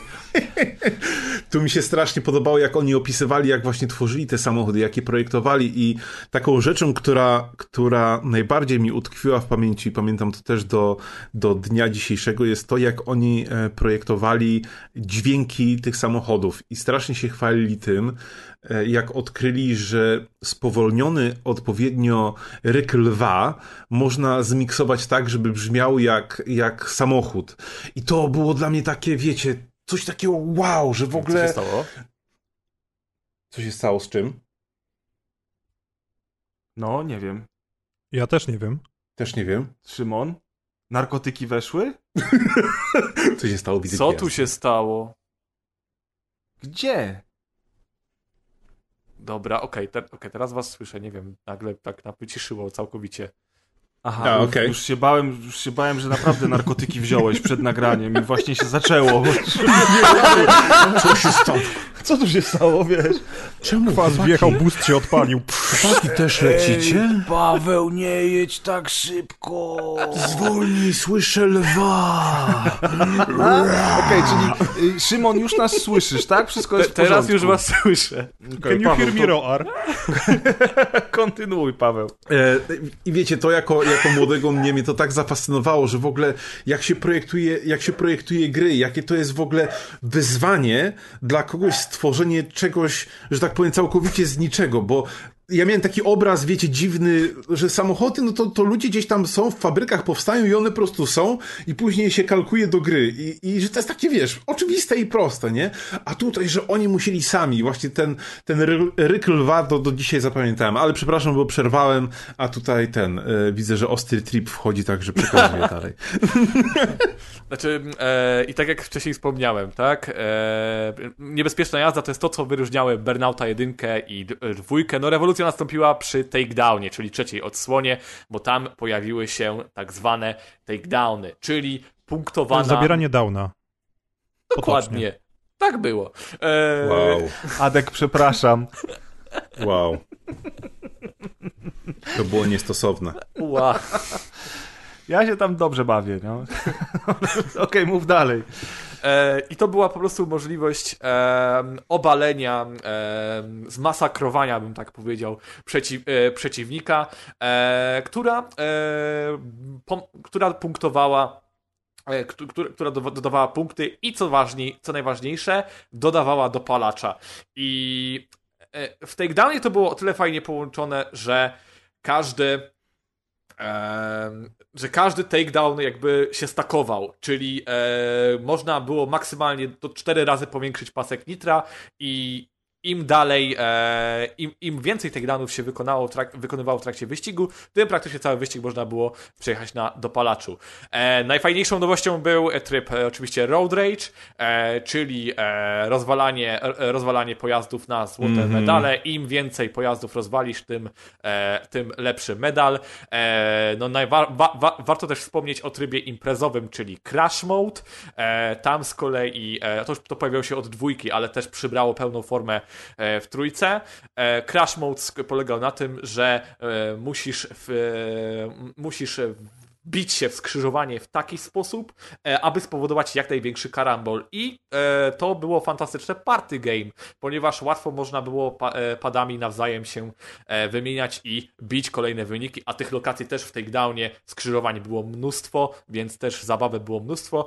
No i Revenge jest czwartą odsłoną, która właśnie kontynuuje, kontynuuje ten pomysł, dodając przy okazji też już kilka rzeczy od siebie. Tylko wspomnę, tylko dodam jeszcze, że Takedown e, był momentem przełomowym naprawdę dla serii. To jest e, gra, która w 2004 roku naprawdę walczyła o Game of the Year Award, nie? To, było tak, to był tak potężny tytuł, przynajmniej w Stanach, z wielu względów. E, z, z wielu względów. Raz, że gameplay e, Criterionu to już był ten swój ich silnik renderware, był dopracowany do niemalże takiej perfekcji. Ta gra wyciskała z PS2 i, i, i pierwszego Xboxa wszystko, co się dało. E, dalej, soundtrack. EA w tamtym okresie było Ojej. on the golden roll, all the gold, nie wiem czy tak się mówi w ogóle, ale chodziło mi o to, że Było E, na Złotej, złotej, no. Na złotej rolce. Na na złotej, złotej, bułce, na, tak. na złotej rolce po prostu ci, Nie mylić z bagietą.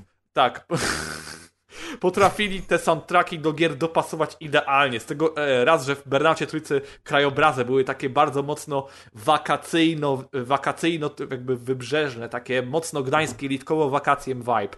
Więc e, więc też więc też e, soundtrack e, bardzo był pop-punkowy, kapele typu Fallout Boy, My, My Chemical Romance. Tak. E, tak, tak, tak. Taki.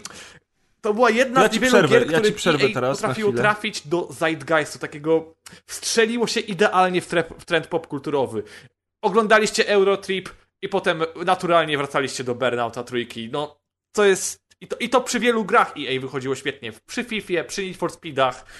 To jest coś, yy, co, co w ogóle Electronic Arts ma fantastyczny wkład w historii, czyli łączenie soundtracków licencyjnych z grami. Ale już jeszcze Super, to przechodząc pamiętasz jak mówiłem, że ci przerwę? Pamiętasz jak mówiłem, że ci przerwę? To może teraz mi się uda. Okej, Na chwilę, Szymon. sorry, E, bardzo, się. duża, bardzo duża ilość e, wiedzy i informacji, doceniamy. Natomiast powiedziałeś o tym soundtracku i chciałem właśnie, chciałem właśnie a propos tego soundtracku was wszystkich spytać, jak ważna jest dla was muzyka w grach, bo odpowiedź tak naprawdę wydaje się być oczywista, jest mega ważna i to te soundtracki, które wspomniał przed chwilą Szymon, e, czy, czy soundtrack z Revenge, który też jest bardzo dobrze dobrany, to są takie lata świetności czy to wynika z tego, że my wtedy takiej muzyki słuchaliśmy, ona do nas podpasowała, ponieważ te gry się robi zawsze pod młodzież, to dzisiaj w tych grach wykorzystuje się muzykę, której my niekoniecznie słuchamy i dlatego tamte nam się wydają takimi dobrymi soundtrackami, a te współczesne już niekoniecznie? Czy to może kwestia tego, że one nam dopasowały po prostu jako, ja, jako całość? Nie wiem, ale czy, czy, czy, czy, czy te licencyjne soundtracki w grach są potrzebne? Czy na przykład dzisiaj, kiedy Spotify możesz sobie uruchomić na konsoli jednocześnie razem z grą, to tak naprawdę możemy mieć samą grę z dźwiękami silnika, jeżeli będziemy mieli ochotę, to wrzucimy sobie jaki, jakąkolwiek playlistę tylko będziemy chcieli. Wtedy mi się wydaje były bardziej potrzebne, bo e, dostęp do internetu, nie, nie mówię w Stanach na przykład, ale w, w całym świecie nie był aż tak powszechny jak teraz i takie gry były też oknem trochę na muzykę. Pozwalały Mhm. odkryć, tak, odkryć takie zespoły. Ja sam pamiętam, nie wiem, na przykład jak w Most Wanted usłyszałem pierwszy raz Bullet for My Valentine, to było takie jakie to jest dobre, w sensie metal, to było, to było metalcore? Nie, coś tak, nie metalcore. Jakiś Nu metal. gatunek. No, nu, met, nu metal, e- emo metal, coś takiego, nie? Ale to było dla mnie tak świeże, ja, gdzie po prostu ja nie, też nie miałem wtedy internetu, tak? To więc nie miałem za bardzo skąd takiej muzyki czerpać, więc y, ja wierzę, Bardzo że ładnie powiedziane pobierać, okej. No, pobierać. Nie miałem skąd czerpać tej muzyki. Zgadzam się. Nie, zgadzam się. Właśnie stąd też moje pytanie, bo, bo rzeczywiście wtedy, wtedy to mogło było nas nakierowywać na nowe nurty muzyczne chociażby. Ja pamiętam do dzisiaj y, Tony Hawk's Pro Skater 2 bodajże i kawałek Mhm. Rage Against the Tak. Machine. Bardzo kluczowa gra pod tym względem. To, to, No. to tak, to, ale to były jakby inne czasy. Piotrek, ty jesteś znany z tego, że jesteś emo. Co ty nam powiesz? Pragnę zauważyć, że ponad miesiąc temu obciąłem włosy i do tej pory nie widzę własnej grzywki. Nice. To ładne. Nie, ale była już tak długa, że mogłem sobie ją spokojnie na brodę naciągnąć, tak 4 cm, więc to już był najwyższy czas. No tak, to, to trochę tak. Ale to Na- takie Natomiast czasy. nie, ja, ja soundtrack z, z Burnouta Revenge absolutnie kocham i w momencie, kiedy w ogóle ktokolwiek mówi przy mnie ten tytuł, to mi się odpala intro w głowie. Ja słyszę Timo Mas First Day Remix, dzień dobry, no. To, Revenge no, fajnie mieszał już elektronikę z tym metalem. E, Takedown miał z tym problemy, ale Revenge już fantastycznie sobie z tym Nie, poradził. Revenge to zrobił po prostu w fenomenalny sposób. Ja do tej pory zresztą słucham tego soundtracku i jakby... No, zresztą ja rokrocznie robię sobie jaja na koniec roku na Twitterze i przyznaję nagrodę soundtrack roku dla Burnouta Revenge, no sorry. Mhm, No to widzisz, to dobrze trafiliśmy. Prestiżowa nagroda. Czy. Burnout Revenge jest przez was trzech uznawany za najlepszą odsłonę serii, czy nie? Tak, Piotrek. tak. E, pod absolutnie. kątem gameplayu tak. Pod Klimatycznie każdym takedown. względem. Pod każdym absolutnie względem. Miał, miał wszystko, czego wymagałem od, od takiej gry. To byłem No, ja, ja, się, Piotr. ja się też te- ku temu przychylam. Mimo tego, że Paradise'a uwielbiam, ale to też z racji po prostu tego, że byłem w cudzysłowie dość blisko Criterionu w momencie, kiedy oni go opracowywali, bo z tymi ludźmi między innymi sobie też pisałem, kilku z nich spotkałem potem na targach i tak dalej. Ale Nie, właśnie... to dlatego, no. Tantiemy. Kolesiostwo. Kolesiostwo. Oczywiście. Piotrek, Ale nie- generalnie rzecz się. biorąc, Revenge jest moją ulubioną odsłoną serii. Jakby hands down. No, no to chyba wszyscy się zgadzamy. Ja grałem w te inne odsłony też, nie, nie, nie pamiętam ich tak dobrze jak wy, ale teraz po powrocie do Revenge po latach rzeczywiście jest, jestem w stanie docenić y, jeszcze bardziej tę grę i ten styl, który ona oferowała. Jest to trochę wszystko na jedno kopyto, trzeba przyznać. Co? I, no, burnouty. Jest to trochę. Kolego sumie- sympatyczny, jeżeli postawisz koło siebie trójkę i czwórkę, w sensie Takedowna i Revenge'a, to te gry dzielą ze sobą core, natomiast czwórka nabrała takiego sznytu, że ja pamiętam, że jak odpaliłem tę grę pierwszy raz na mojej PS2, to ja dostałem oczopląsu, bo to dla mnie wyglądało jak next gen. Nie, okej. Jaka prędkość. Okej, ale Wzrosła. jakby gameplay.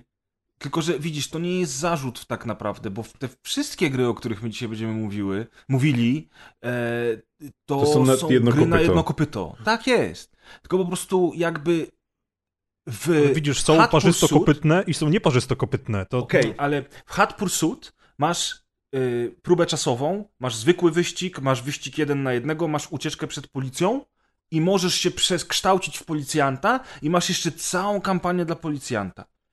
No. W Burnaucie większość wyścigów to jest to samo. Okej, ale są w próby czasowe. prawda jest jest taka, Są elimination. dwa, są, są, są dwa tryby. Jest główny, jest, jest główny tryb w Burnoutie wyścigowy i jest Crash Mode, w którym są zupełnie osobne wyzwania.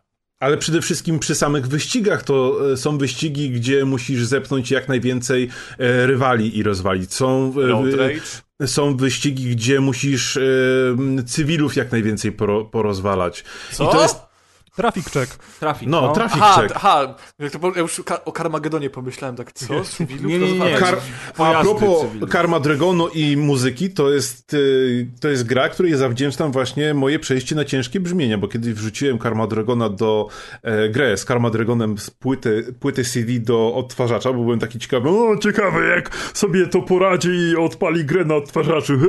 taki mądry byłem. A tak się, a tak się A robiło. się okazało, że tam jest sam A pliki audio. Tak, tak, a tam się okazało, że jest muzyka. Jak zaczęło grać Fear Factory, to ja oszalałem. Czyli ty byłeś takim troszeczkę buntownikiem, Paweł, troszeczkę takim e, wiejskim tunerem, no co, i w ogóle do tego fanem metalu, w ogóle co ja się dowiaduję dzisiaj? Zbuntowany No. Ricer. Dokładnie. Byłem wiejskim metalem. Łańcuch Anyhow. przy jego spodniach może również być użyty do przypięcia krowy. Anyhow, y, wszyscy się zgadzamy z tym, że jeżeli chodzi o tego typu y, arcade'owe ścigałki z pomysłem na siebie, z dużą ilością eksplozji, świetną muzyką i dobrym gameplay loopem, to Revenge, na, tfu, to Burnout nie ma sobie równych. Revenge stało się opus magnum serii y, i wszyscy polecamy. Warto do tej gry wrócić. Ja tylko chciałem teraz, zanim pójdziemy dalej i przeskoczymy sobie do tego Rivals, które już będzie nieco inną grą niż Hot Pursuit, będąc jednocześnie tą samą grą, to chciałem, y, chciałem y, na, na, nadmienić o takiej grze, o której nie wszyscy A dzisiaj mogę jeszcze pamiętają. zamknąć jedną rzecz o Revenge'u, bo to jest mega ważne. Wiesz co, mi się, wiesz, wiesz, co mi się nasunęło, jak on powiedział, czy mogę jeszcze zamknąć jedną rzecz, nie? Wiecie, co chcę powiedzieć? Grzesia. Ale tego nie powiem. Mów, Szymon. Dobra, chodziło... cho- e, Chodziło o mordę. Tak, chodziło o mordę. co za typ. No mów, Dobra. mów. Ehm, Burnout Revenge, jakby tak jak wspomniałeś wcześniej, Grzesiu, jest wstecznej kompatybilności. Oznacza to, że jeżeli macie Xboxa Series S albo Xboxa Series X, to możecie... Albo pe- Xboxa możecie w One. Albo Xbox One, albo Xbox One X, albo to Xbox One możecie w pełnym HD albo 4K ograć tę grę wstecznej A kompatybilności. ten Nie abściegę jest w tam jeżdżą 4K, dupę. nie jest w 4K. Nie jest 4K? Nie jest w 4K i właśnie chciałem powiedzieć, że Ła, ła, ła. Rivals we wstecznej na telewizorze wyżej niż Full HD boli w oczy. Uwierz mi, że ogrywałem go na Full HD telewizorze we wstecznej na Xboxie One X i ogrywałem go teraz na telewizorze 4K na Xboxie Series X. Mówisz o Revenge'u, tak? Mówię o Revenge'u Aha. i niestety boli, Boli. w oczy. Ja Bo po prostu nie zdejmuję wszystkie- okulary. A widzisz, to jest Problem jakieś solved. rozwiązanie. Albo, albo odpalcie to na telewizorze Full HD, bo, bo niestety robi się już z tego lekkie mydło, a nie wszystkie gry we wstecznej dostają Tak, te bo- łatki, które po, Bo podnoszą ten blur jeszcze tam jest. I, Tak, i, tak, to, tak. To, to jest ta stylistyka 2006, ta sepia Mhm. taka... Mm, mm, mm. Ale ja tylko dodam, co mnie bardzo rozśmieszyło, e, że ta gra zajmuje 4,3 giga, co w ogóle... No. Łatki teraz są większe do gier, nie wiem, e, pakiet naklejek do gier kosztuje teraz, nie kosztuje, tylko zajmuje więcej przestrzeni na dysku. No, to jest prawda. Niesamowite, że, udało, że udało im się zmieścić tę grę. No ale wtedy, wtedy wszystkie te gry mieściły się na jednym czytniku DVD zazwyczaj. A czytnik No. DVD miał ile? 5 giga? 4,5 Te, jednowarstwowe, po, te, po, 8 te podwójne dwuwarstwówka. 8,2. No właśnie, czy, czy, czyli w sumie dzisiaj zaskoczenie, ale wtedy to było normalne. Słuchajcie, jest jedna gra, o której świat zapomniał, a która robiła robotę w konwencji tych gier, o których dzisiaj wspominamy. To Supercar był- Street Challenge. Co? Nie? Okej, to Nie, nieważne. nie. I to nie jest Need for Speed, ani to nie jest Burnout. Czy jest, powstała tylko jedna odsłona tej serii, po czym, uwaga, uwaga, studio, które je otworzyło, zostało zamknięte, a, stworzy, a tworzyło gry przez No ja już 8 wiem, że lat to idzie. I zrobili bardzo dużo gier, o których nikt dzisiaj nie pamięta. W zasadzie większość gier, które oni zrobili, to są gry, które są pomijalne. Zrobili na przykład ATV Quad Power Racing 2, albo zrobili grę The Italian Job na podstawie filmu The Italian Job. Zrobili też Hot Wheels World Race na GameCube'a, PlayStation 2 i na PC-ta. Nikt tych gier nie zna.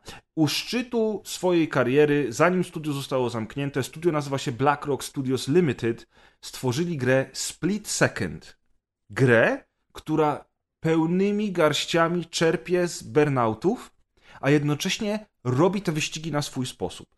Czy wy pamiętacie w ogóle Split Second? Tak, Owszem. oczywiście. Mam na Dobrze. Steamie, grałem trochę, ale bez jakiegoś wielkiego zauroczenia. A to ciekawe, bo jeżeli jesteś takim fanem burnoutów, to myślałem, że Split Second tobie się spodoba. Ja naszym No właśnie, to, właśnie to Split Second dla mnie to była ta gra, którą odpaliłem i mówię, o, ale bym sobie w Burnouta teraz pograł. I, i odpalałem Burnouta. No, skok No, jakościowy jest. No, ja wiem o co ci chodzi, natomiast szybko. Aha, przepraszam, oni przed Split Second zrobili jeszcze jedną grę, która była dosyć znana. Ta gra to było Pure. Taki offroadowy trochę. Pure, to tak. Wspaniałości. był też całkiem, całkiem zacny. Natomiast y, dzisiaj nie będziemy mówili o grach offroadowych, wracamy do Split Second. Ja tylko naszym słuchaczom chciałem powiedzieć, że to jest taka, taka gra y, wyścigowa, która miała na siebie taki pomysł, że, wszyscy, że zbieraliśmy energię, robiąc drifty, drafty, czyli jechanie w tunelu aerodynamicznym przeciwnika, który jedzie przed nami, oraz wyskoki, różne tam, jak był jakiś pagórek, ten nasz samochodzik wyskoczył, to ładowała nam się energia i tę oto energię mogliśmy wykorzystać na eksplozje i zmiany na trasie, którymi to musieliśmy wyeliminować przeciwników. Czyli w przeciwieństwie do Burnouta, w którym po prostu autkiem robiliśmy wszystko, żeby zepchnąć z drogi naszego rywala, to tutaj y, z kolei po prostu ładowaliśmy ten magiczny pasek. Zresztą bardzo dobry interfejs był w tej grze. mm, jakby zaimplementowany we wszystko, co się działo na ekranie. Bardzo fajny pomysł. Jak zobaczycie screenshoty, to zrozumiecie o co mi chodzi.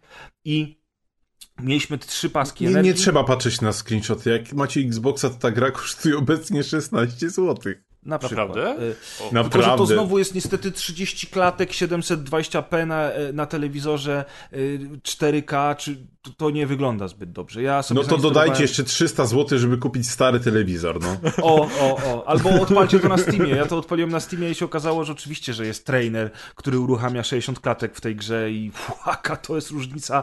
Ja zainstalowałem tego Split Second na, właśnie na Xboxie we wstecznej i mówię, hmm, kurczę, no trochę już tak te 30 klatek to już nie, a potem wszedłem na PC-ta, wrzuciłem Full HD, 60 klatek i mówię, aha, dobra, ta gra dalej jest zajebista. Przeinstalował system, sterowniki. Nie, nie, to już nie jest takie trudne jak kiedyś. W każdym razie, y, słuchajcie, Split Second, jak sama nazwa wskazuje, y, polega na tym, że w ostatnim ułamku sekundy bardzo często musimy ominąć jakąś przeszkodę lub zniszczyć przeciwnika, który już dojeżdża do mety. My jesteśmy drudzy, cały trudny wyścig za nami i mamy ten moment przegrać, ale nagle okazuje się, że uzbieraliśmy cały pasek energii i uruchamiamy główny event na mapie, który polega na tym, że wielki wieżowiec wali się na łeb temu naszemu przeciwnikowi, a my dojeżdżamy na metę pierwsi. Gra rozkręca się powoli, dlatego że wraz z kolejnymi sezonami całość jest zrobiona jako taka, e, takie show telewizyjne, w którym e, mamy zajawki kolejnych sezonów, mamy epizody i każdy wyścig to jest inny epizod. Wtedy robiło się w ten sposób te gry. To, to jest takie trochę fabularne, jak mówił Paweł, ale takie nienachalne fabularne. To jest po prostu menusy i filmiki, które dzieją się pomiędzy wyścigami. Wyścig jest zawsze od A do Z, koniec, kropka. Znaczy, tu są okrążenia akurat. I i do czego zmierzałem? Że ta gra się rozpędza, bo wraz z kolejnymi sezonami dostajemy coraz szybsze fury, y, jeździ się coraz szybciej, jest coraz dynamiczniej na tej mapie i w pewnym momencie już naprawdę te ułamki sekund tytułowe to jest dosłownie to, na czym polega nasz gameplay. I to jest przepiękne, bo fantastyczne rzeczy się dzieją na, na, na całej trasie. Non-stop musimy być skupieni i po prostu to cieszy oczy, ale to też po prostu daje radość same, samej rozgrywki i z tego, że na, w ostatniej chwili udało nam się na przykład ominąć ciężarówkę z cementem, która wybuchła i spada z drugiego piętra parkingu miejskiego prosto na nasz samochód. A my dokonujemy jakimś cudem takiego driftu, który powoduje, że omijamy to na milimetry, dosłownie jedziemy dalej, wygraliśmy. Albo pojawia się wyścig, w którym ściga nas helikopter, który, jak to zawsze w grach y, samochodowych, strzela do nas z rakiet. I, I generalnie rzecz biorąc, mamy trzy życia i musimy jak najdłużej przeżyć, żeby zdobyć jak największą ilość punktów. Więc było tam parę rzeczy, które były świeże, pomysłowe, a sam ten gameplay loop był na tyle ciekawy i coraz bardziej przyspieszający z każdym kolejnym wyścigiem, że gra naprawdę mocno wciągała. Rzeczywiście, to nie jest poziom Burnouta, ale moim zdaniem to jest naprawdę dobra gra. Piotrek, grałeś? Tylko w demo. Tylko w demo. Dziękuję. Piotrek. Wolisz Burnouta, tak? Tak, pole Burnouta. Okej, no No wiesz, oczywiście to-. To jest, to jest na tej zasadzie, że po prostu widzisz grę i wystarczy ci 5 minut. Znaczy, Oczywiście. to jest jeden z tych tytułów, które y, ja wiem, że na premierę to robiło wrażenie, bo to też Disney wydawał, e, ale tak patrząc retroaktywnie po prostu, no ja też się, od, ja też się odbiłem. Dla, dla mnie to była, tak jak ci mówiłem wcześniej, to była gra, gram chwilę, mm, i wszystko jest spoko, naprawdę mechaniki są fajne, dopracowane, widać, że to jest porządny tytuł, ale jak tak sobie myślisz, ale bym sobie teraz w Revenge pojeździł. I tak, jak, ma, jak masz tą chwilę czasu, żeby pograć, to jest takie i, i, i, i, nie? I tak A, no tak. I wybierasz Burnouta. No spoko. A ty, Ja, Paweł? ja, się, ja się nie bujałem na krześle tym bujanym, jeszcze nie ten wiek. Nie robiłem.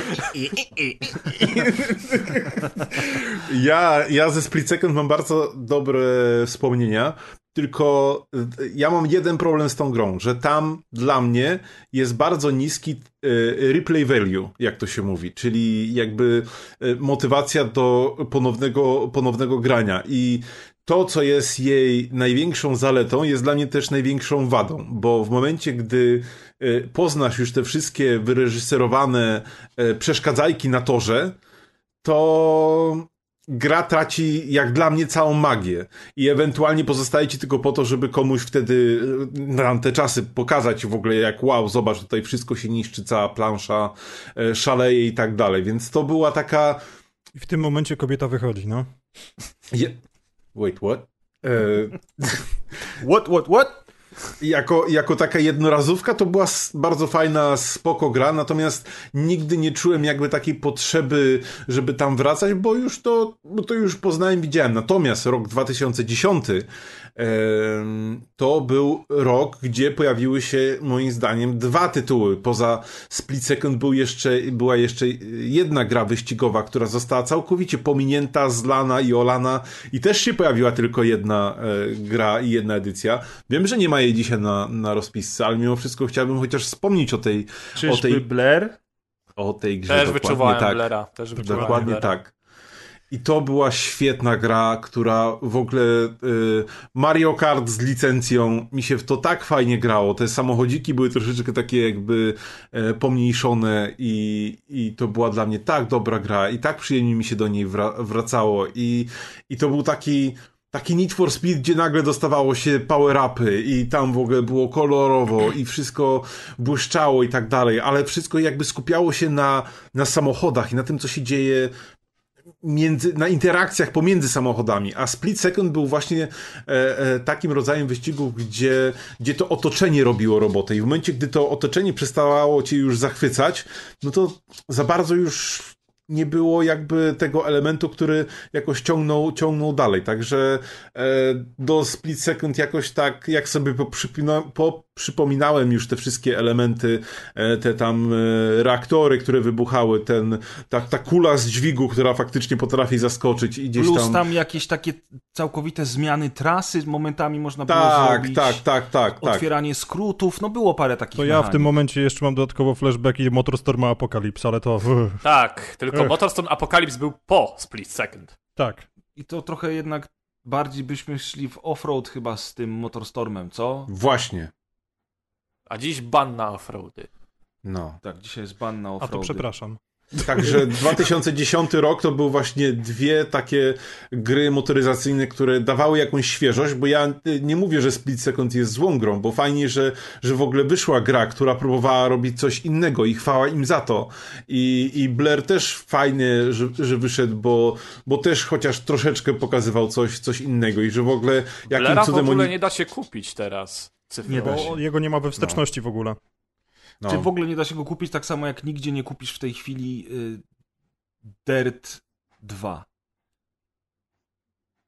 Nie wiem z czego. Dirt 2 było, przynajmniej na PC-tach było w Games for Windows Live, więc umarło razem z tą usługą i praktycznie nie da się tego kupić. Tak, bo te gry z licencjami samochodowymi znikają przecież niecałe, pół roku temu Forza Horizon 3 zniknęła z dystrybucji. No, Blair, Blair też jest nieosiągalny. Ja nawet nie wiem, czy Split Second można sobie tak normalnie kupić w Można, tej chwili. jeszcze można. Można. Ja go No mam mówię, na 16, Steamie, ale... 16 Aha. złotych. A, na konsoli. Dobra. No, yy, słuchajcie, Split Second. Jako ciekawostka, moim zdaniem, broni się do dzisiaj, bo nie było nigdy wcześniej ani nigdy później takiej gry, gdzie niszczenie otoczenia jakby było podstawą wyścigu. Ale faktycznie, jak pojechałem, nawet dzisiaj jeszcze jechałem y, sobie przed, przed nagraniem, to faktycznie, gdybym chciał zrezygnować z wciskania tych guzików odpowiedzialnych za destrukcję otoczenia i pobawić się tylko i wyłącznie wyścigami w tej grze, to model jazdy, interakcja z, oto, z otoczeniem, z innymi samochodami, czy w ogóle wyzwanie w postaci innych kierowców są tutaj o klasę niżej niż, niż w tych Need for Speedach i, i Burnoutach, więc jakby faktycznie muszę się przychylić tutaj ku opinii Pawła, że y, to jest gra jednej sztuczki. Warto się z nią zapoznać, zwłaszcza że za te 16 zł, ale też już chyba wiemy, dlaczego ona się nie zapisała złotymi głoskami w historii tego typu samochodówek. Przejdźmy do, do Rivalsów, bo tak jak powiedziałem na początku, e, Rivals jest jakby taką ewolucją, czyli, czyli tutaj Piotrek ładnie zasugerował, twórcy Burnouta przeszli na Need for Speeda, przenieśli wszystkie mechaniki do Need for Speeda, wykorzystując jednocześnie to, czym Need for Speed był na samym początku swojej kariery, czyli szerokie trasy po Ameryce, autostrady, pustynie, góry, nie, jakieś lasy i piękne widoki, szybkie samochody. I teraz Rivals ma dokładnie to samo. Co więcej, część etapów w Rivals, część fragmentów mapy w Rivals jest żywcem przeniesionym, przeniesionych z Hot Pursuit, ale już robi tę grę inne studio, bo nie robi go y, Criterion, tylko robi go Ghost, studio Ghost. Który To- został zebrany z resztek tego, co się dało wyskrobać z Criterionu. Dokładnie. I Rivals to jest ostatni nowożytni Need for Speed, który mi się podobał. Jeden z moich ulubionych Need for Speedów w ogóle. Ja mam jedno bardzo podstawowe pytanie, tylko wejdę ci jeszcze w słowo. Aha. Manualna skrzynia biegów, tak czy nie? Tak, oczywiście, że tak. Je- Okej. Jak najbardziej. Jeszcze jak. W każdym razie. W Co? każdym, w każdym razie. Mm, ja mam mega wspomnienia z tą grą, bo ona nie dość, że na premierę wyglądała tak, że to było niemożliwe, że gry mogą tak ładnie wyglądać, to ten gameplay loop był taki wciągający dzięki temu, że były pościgi z policjantami, że znowu można było właśnie się przełączać między rajdowcą a policjantem, że były te technologie pościgowe, które zresztą też były już w Hot Pursuit, ale tutaj wszystko było rozbudowane o rozwój autka, o ulepszanie tego autka i o ten otwarty świat, który, jeszcze, który był otwartym światem, ale który mnie irytował, bo ten otwarty świat w Rivals ma elementy otwartego świata, które są najbardziej logiczne i najbardziej prawdopodobne w grze wyścigowej. A mianowicie są te, jak to się nazywa?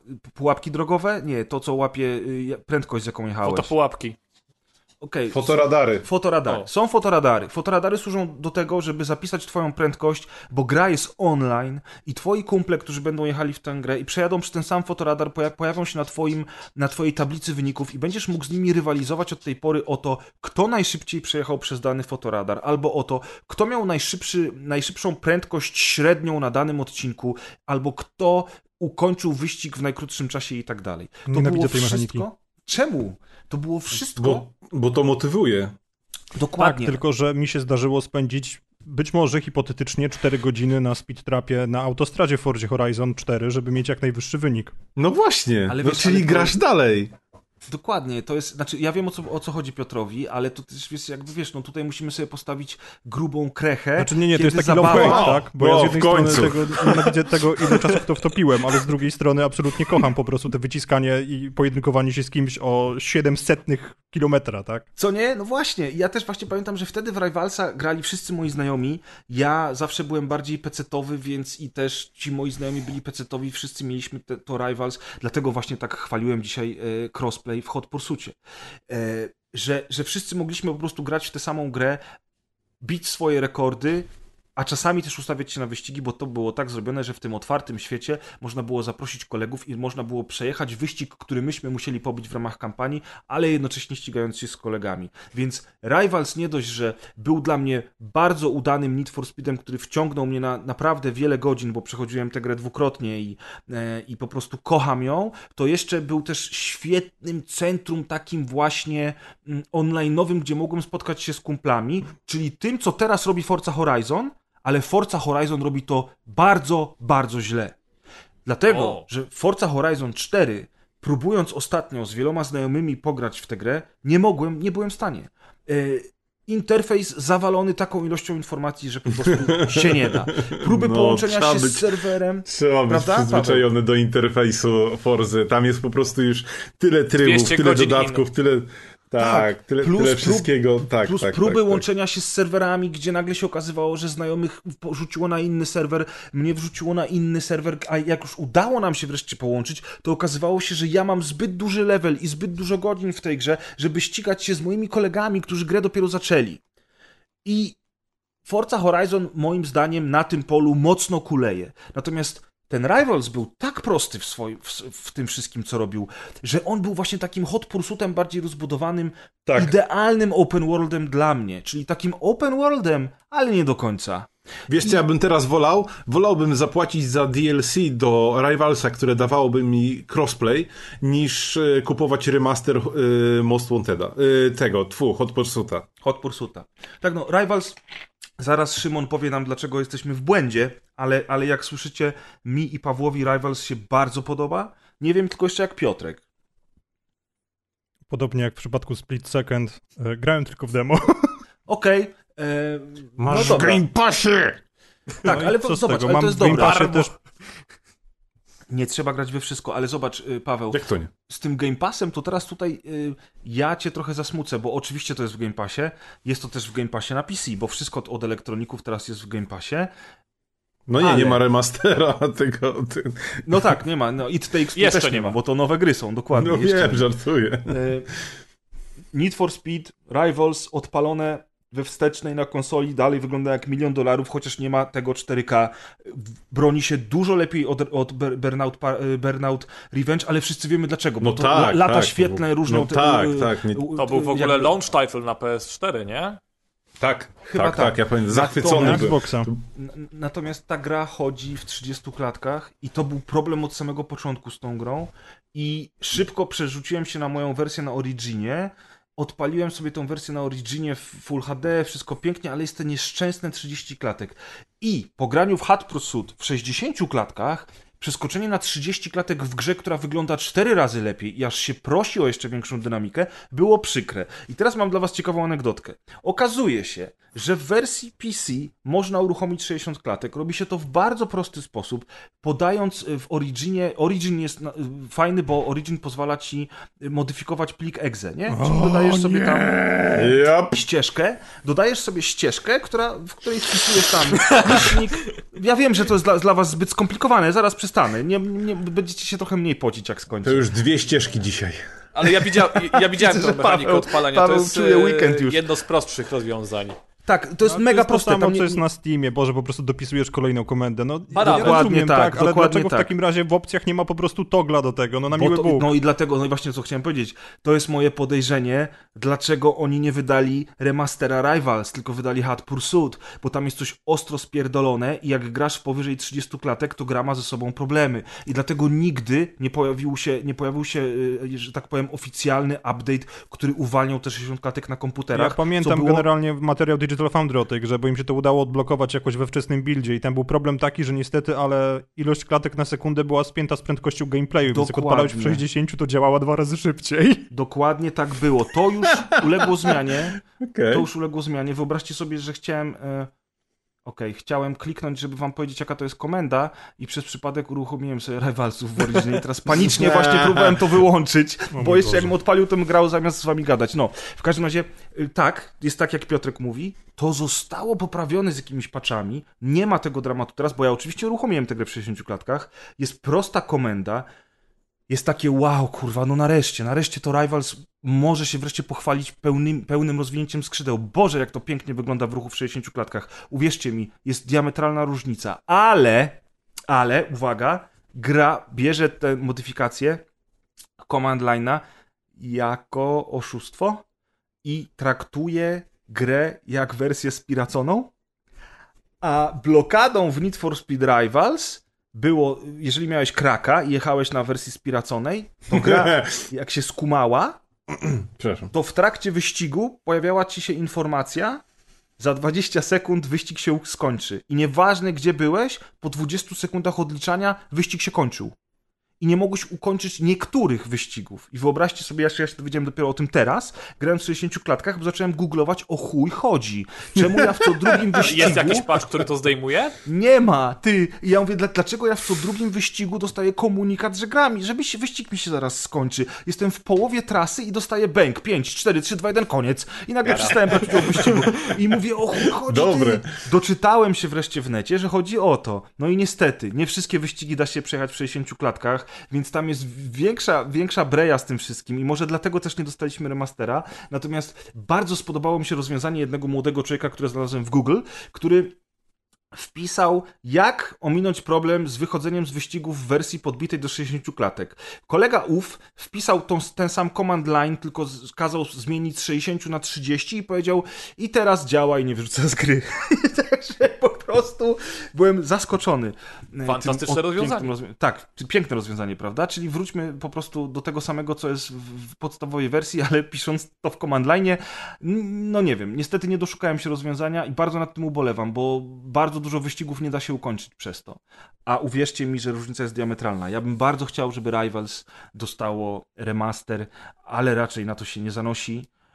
Chociaż nie wiem, czy nie lepsze od remastera Rivals byłby remake Most Wanted z 2005 roku. To chyba Nie. byłby. Nie? Myślisz, że nie?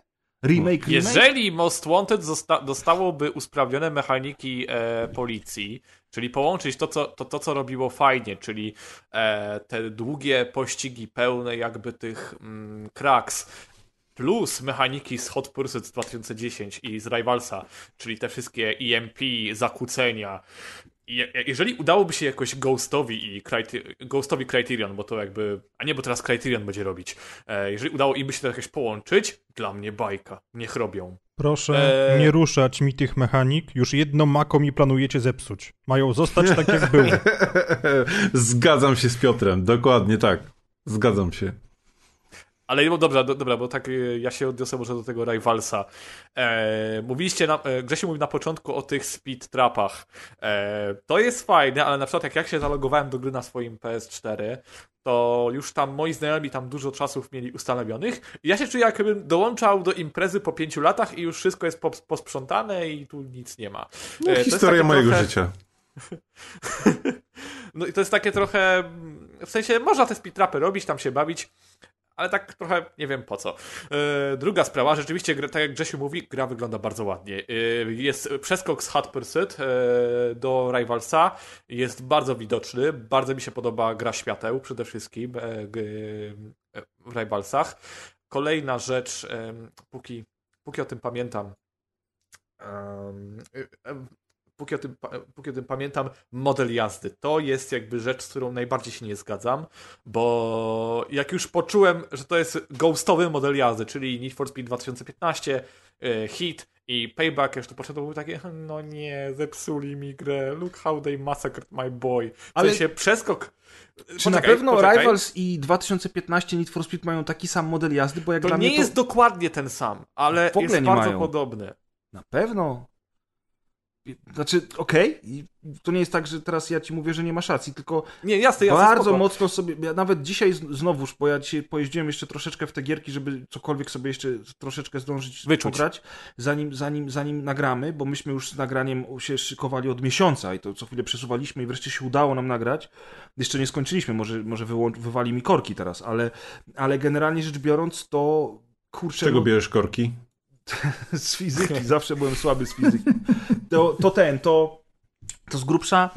Mm, no nie, no nie mogę się z tą zgodzić, że te, te modele są podobne, bo ja pamiętam, że strasznie się męczyłem z modelem jazdy w 2015, a model jazdy w Rivals jest dla mnie bardzo intuicyjny, szybko wchodzi, nawet po długiej przerwie i no nie Zgadzam wiem, no. się. Zgadzam wiesz, się. To nie jest. To, tak, tak, tak, tak, tak, nie mówię, że on jest zły. Ja nie mówię, że broń, broń Boże, on jest naprawdę bardzo okej, tylko przeskok z, z tego hot pursuitowego na rivalsowy jest dla mnie odczuwalny. Bardzo. I, i o, to mi, o, o, o to mi cały czas. Kurde, ja chodziło. nie, nie odczułem. Ja y, akurat jak przerzuciłem się, bo jak grałem właśnie tkwi w to, szczegółach. to czułem się jakbym po prostu y, po przełączeniu odpalił po prostu nowszą wersję tej samej, tej samej gry, z, y, gdzie wszystko działa lepiej. No W ja sensie- też mam takie wrażenie jak Paweł, dlatego jestem bardzo zdziwiony, że, że, że, że, takie masz zdanie na ten temat. No, zwłaszcza, że w tym hot pursuitie bardziej e, że po, pojeździłem w w Rivalsach, e, z- bo pierwszy raz ci o tym pisałem, to jeszcze potem pojeździłem, z, e, po, pojeździłem dwie godziny i nie, to, to czułem, czułem to samo. On jest dobry, ale taki minimalnie bardziej kartonowy. Ten model w hot pursuit jest taki no, nie mam lepszego słowa niż po angielsku tight. Taki ciasny, wiesz, taki, tak, że czujesz tam taką ciężkość tego auta, że te drifty tak piękniutko wchodzą w tych No tak, tylko że właśnie w Hard Pursucie te drifty są podstawą wszystkich mechanik w Hard Pursucie i przez to wszystkie auta w tej grze są, mają taką, taki ciężar jakby przycisk do papieru je od, od dachu dociskał, rozumiesz? I one, Tak, tak, są, tak, tak. one są tak spłaszczone do podłogi, jakby nad nimi jakaś dwutonowa, niewidzialna słonica stała i tego w Rivalsach z kolei nie ma. Ja rozumiem z czego to wynika z układu tras w obu grach i z tego, że jednak w Rivalsach ten otwarty świat jest cały czas otwarty i ty też musisz dojeżdżać w różne miejsca, pojechać do warsztatu, naprawić samochód, zajechać Tak, do możesz swojego garażu. wziąć e, szybka, szybka podróż i tyle. Nie możesz, Tak, i, musisz i, i, ten, dojechać. i te modele są inne. Oczywiście wiesz, to wszystko jest kwestia gustu. My tak naprawdę dyskutujemy dzisiaj o grach, które z prawdziwym prowadzeniem samochodu nie mają nic wspólnego. Jasne, że tak. Ja nie mam prawa jazdy tak samo jak ty, także No. Ale faktycznie słusznie zauważył Piotrek, że, że można sobie chociaż przynajmniej manualną y, skrzynię biegów Paweł, wrzucić. wychodzimy. Czemu? A, bo my nie mamy prawa jazdy. No, Piotrek, ty, a przypomnij mi, w którym Need for Speedzie nie można było zmieniać biegów nawet, y, przestawić sobie na manuala. Pamiętasz? Z tobą o tym rozmawiałem jakiś czas temu. A to w hicie właśnie nie można przestawić przypadkiem? Nie, no mi się wydaje, że to było właśnie w tym, o Boże. E, o którym remasterze mówimy? O Hot Pursuit. Tak. A może? Wiesz, że nie sprawdzałem, bo manualną miałem tylko... Nie, to takie rzeczy, Wyobrażam- których się nie sprawdza. nie no wyobrażam taka granie w. Need for Speeda na manualnej skrzyni biegów. Znaczy, Po wiesz, prostu to, nie. zależy, bo w Rivalsach możesz, ale już w Hot Pursuit niekoniecznie. Tam są takie prędkości chore i jakby to, to nie ma nic wspólnego z prawdziwą jazdą samochodem, że, że w sumie ta skrzynia biegów to może i tylko psuć zabawę, ale tutaj się absolutnie zgadzam z Piotrem, że szkoda, że nie ma taki, że nie ma wyboru po prostu, bo tak samo nie znoszę, jak te niektóre gry wyścigowe oferują tylko jeden albo dwa widoki y, kamery. O Masz na nie, przykład tylko o. z zapleców albo tylko ze zderzaka. Ja rozumiem, że ogóle- nie wszyscy mają kasę ani ochotę modelować wnętrza, tak? Ale już na przykład model z maski, czy bliżej samochodu, dalej samochodu, takie rzeczy naprawdę by się przydały. Tymczasem większość Ale gier... jednak jak gra nie ma modelu z kokpitu, to czuję się jakby ktoś mi dał z liścia. Tak, ale w tych y, arcade'ówkach ten model z kokpitu to chyba czasami wręcz by bardziej przeszkadzał niż pomagał. Ja oczywiście też jestem druż... Dirt drużyna... 5, Drive Club? No, ja w ogóle jestem team cockpit, ja uwielbiam y, Chwilę, przepraszam, czy ty właśnie zasugerowałeś, że w Drive Clubie on przeszkadza? Nie, nie. Nie, ja właśnie powiedziałem- zasugerował, właśnie że powiedziałem, tam- że- No, Że, że on No. nie przeszkadza, że jest super. Nie, super. I ja też ja uwielbiam, dlatego ja się cieszę, że, że, że w pewnym momencie zrobiła się taka moda na to, żeby wszędzie były te kokpity i nagle jak w Grid 2 nie było kokpitu, to była straszna imba o to. I Ja oni nie wiem, czy pamiętacie tylko jeszcze, No. w Gran Turismo, jak e, Gran, Turismo, Gran Turismo 5 wychodziło, to ani była imba, tym. że, A nie, nie, nie przypominaj mi w ogóle, bo się striggeruję, naprawdę. To... Ale że, że były się. samochody standardowe i premium. Czyli Tak, niektóre tak. miały kokpity, a niektóre nie, bo polyfony się nie chciało. Tak, tak, było coś takiego. W każdym razie, dobra, kokpity kokpitami, wszyscy, wszyscy jesteśmy team cock, pit i e, myślę, że teraz możemy troszeczkę wrzucić jeszcze więcej kilometrów na godzinę, bo dwie ostatnie gry, o których będziemy dzisiaj rozmawiać, to dalej są gry o absolutnych chorych prędkościach i o driftowaniu, e, zupełnie nie mające nic wspólnego z realizmem, ale to już nie będą takie typowe wyścigi e, samochodowe, bo będziemy ścigać się Czym my w zasadzie będziemy się teraz ścigać? Kto wie? jak to nazwać? Bolidami. Bolidami. Bolidami F1? science O! fiction. No nie, A. nie, nie. Czy, czy ktoś y, tutaj z szanownych kolegów y, zna taką grę, co się nazywa Wipeout? Nie słyszałem. Ja nie grałem. Okej. No Prodigy. więc bardzo dobrze, bardzo dobrze, bo nie będziemy dzisiaj mówić o Wipeout. God damn it. Dlaczego? Ale, ale kto, kto interesuje się grami, ten zna e, serię Wipeout. Takie futurystyczne wyścigi bolidów kosmicznych, e, super prędkości, wykręcone trasy, bardzo często pozbawione grawitacji i broń też, czyli coś, co jest nowością dzisiaj na naszym odcinku, poza Blerem, w którym też można było do siebie strzelać.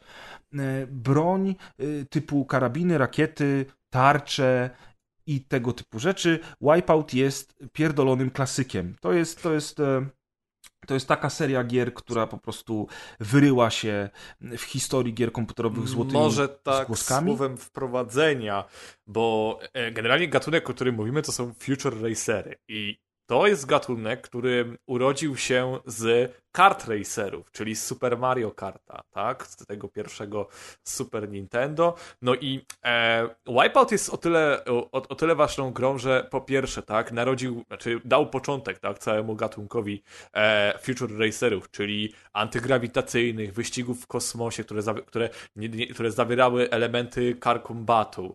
E, ale też jest to gra, która tak, naprawdę, tak naprawdę w Europie, w Europie razem z Crashem wypromowała PlayStation. To jest gra, którą e, pierwszy Wipeout to jest, to jest dzieło Synosis, to jest gra, którą pokazywało się w klubach Wielkiej Brytanii. Ludzie przychodzili do klubów i grali w Wipeouta.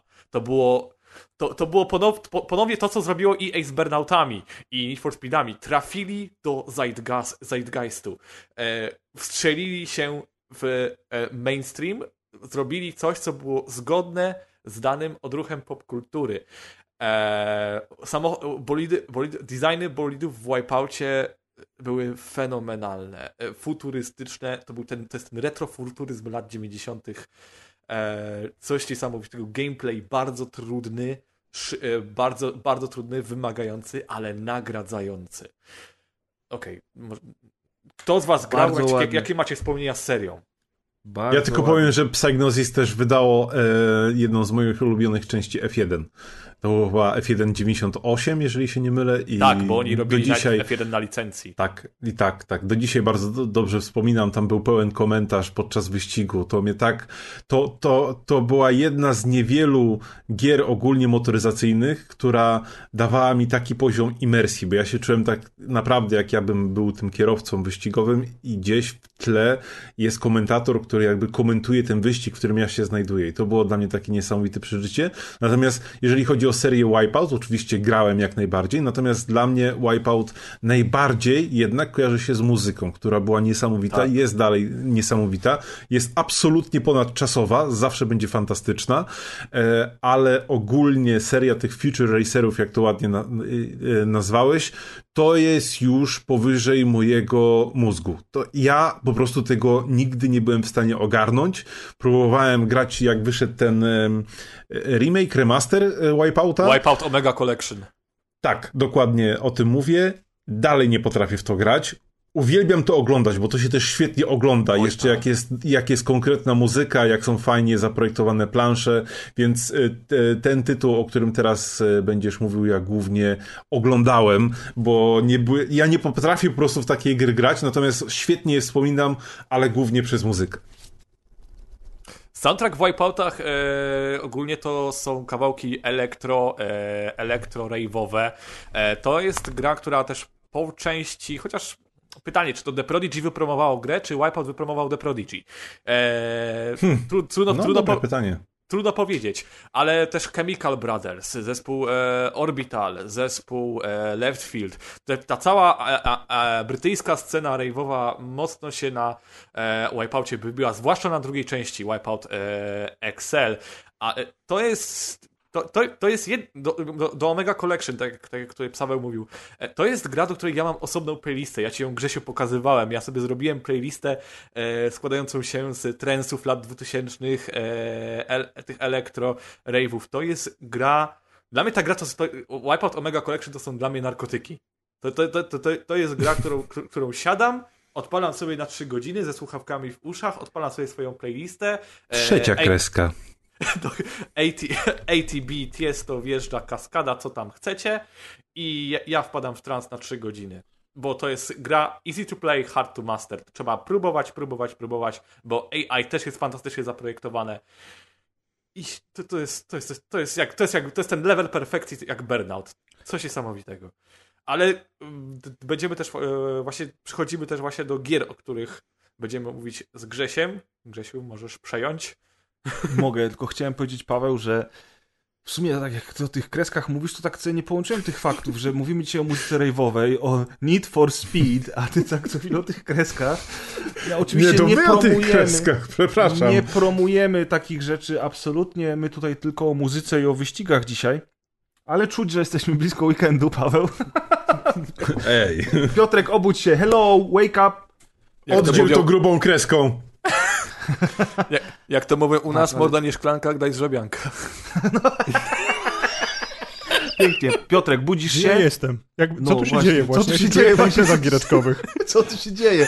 Słuchajcie, y, trochę ta nostalgia nas wzięła i okazuje się, ja się dowiedziałem o tych grach dzięki Szymonowi, okazuje się, że następcy Wipeouta mają się dobrze, że takie gry tego typu powstają. Dzisiaj będziemy mówili o dwóch grach. Jedna jest praktycznie hołdem dla Wipeouta i generalnie jego kopią do tego stopnia, że można sobie nawet ustawić grafikę retro i wyświetlanie obiektów jak na PlayStation 1, włącznie z tym, że przed nami na trasie jest ciemna ściana i te budynki dopiero, które są bliżej nas się z niej wynurzają. Jak odpalisz tę grę y, w, w, w ustawieniach graficznych retro, to masz wrażenie, że grasz na PSX-ie w pierwszego Wipeouta i to jest cudowne. Do tego jest całkiem dobra muzyka, świetny model jazdy i parę już dodatków wyszło i tą grą jest Ballistic NG.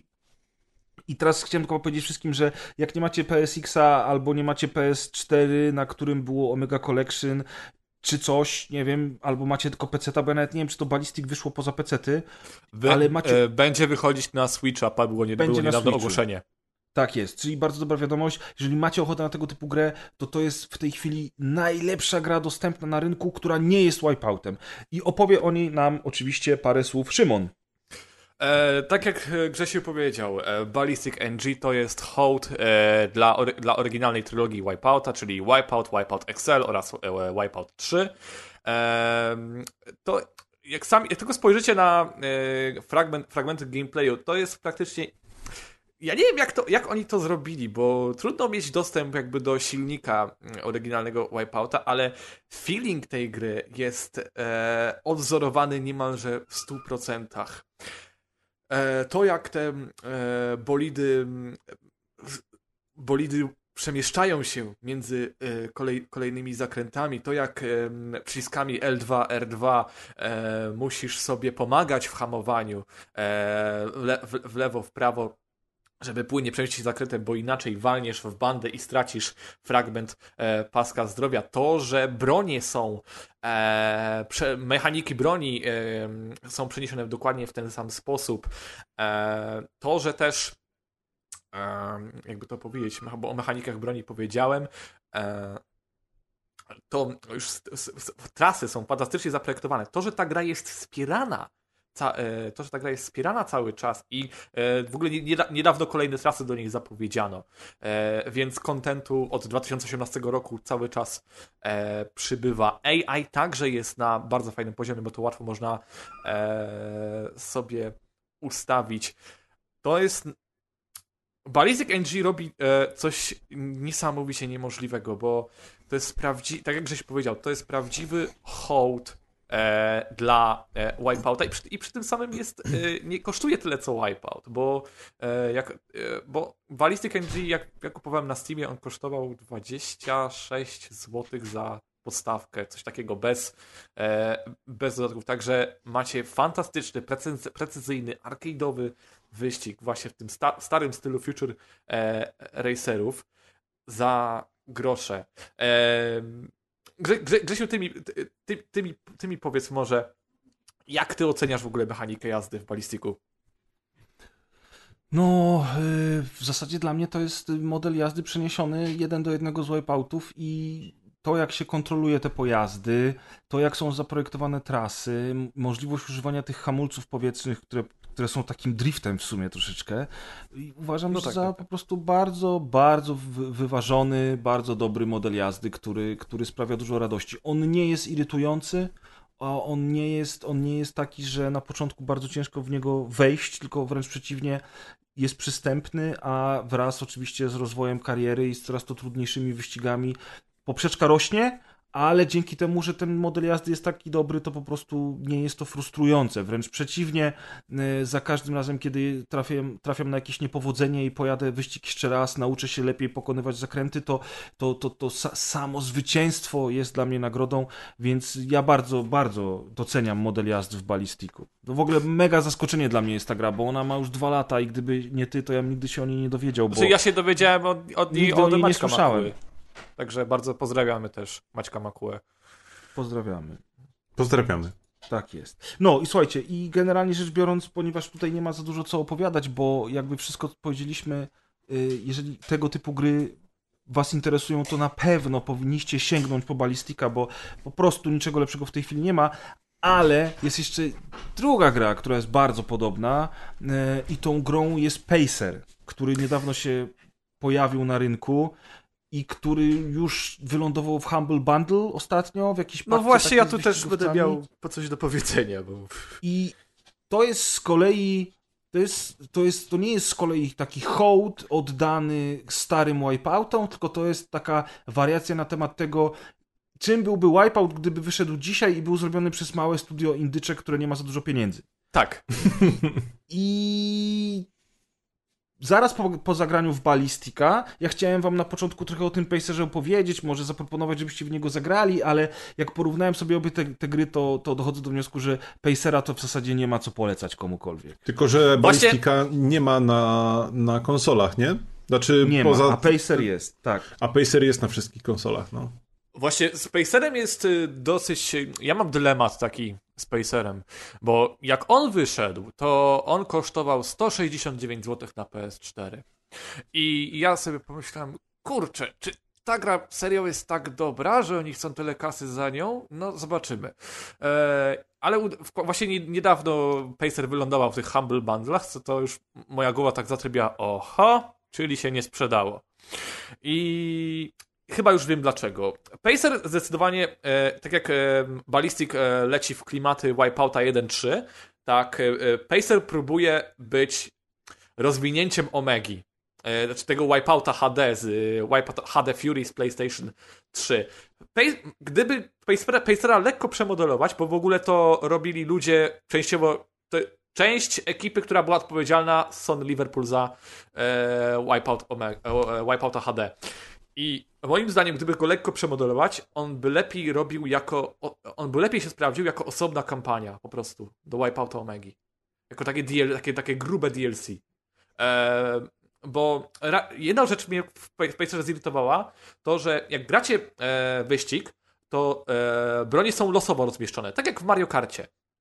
Pacer robi coś innego i pozwala ci e, samodzielnie budować, e, samodzielnie zbierać, e, kup, kupować kolejne bronie i robić z nich buildy po prostu. Tam, e, e, Tak, dwie, tam- dwie, tam dwie, można- bro, dwie, no, W ogóle można statki, y, robić buildy statków ni, niczym, niczym buildy w Call of Duty. Możemy wybrać statki, które będą bardziej do obrony albo które będą bardziej do prędkości i rzeczywiście na starcie, na przykład jeżeli wybierzemy statek, który ma na celu niszczyć inne statki, to wszystkie pick-upy, które będziemy podnosić będą zawsze dwoma pick- pick-upami, więc my zaczynając wyścig wiemy, że na przykład będziemy mieli karabin plus miny do stawiania. i to tak trochę zabiera tylko tej to.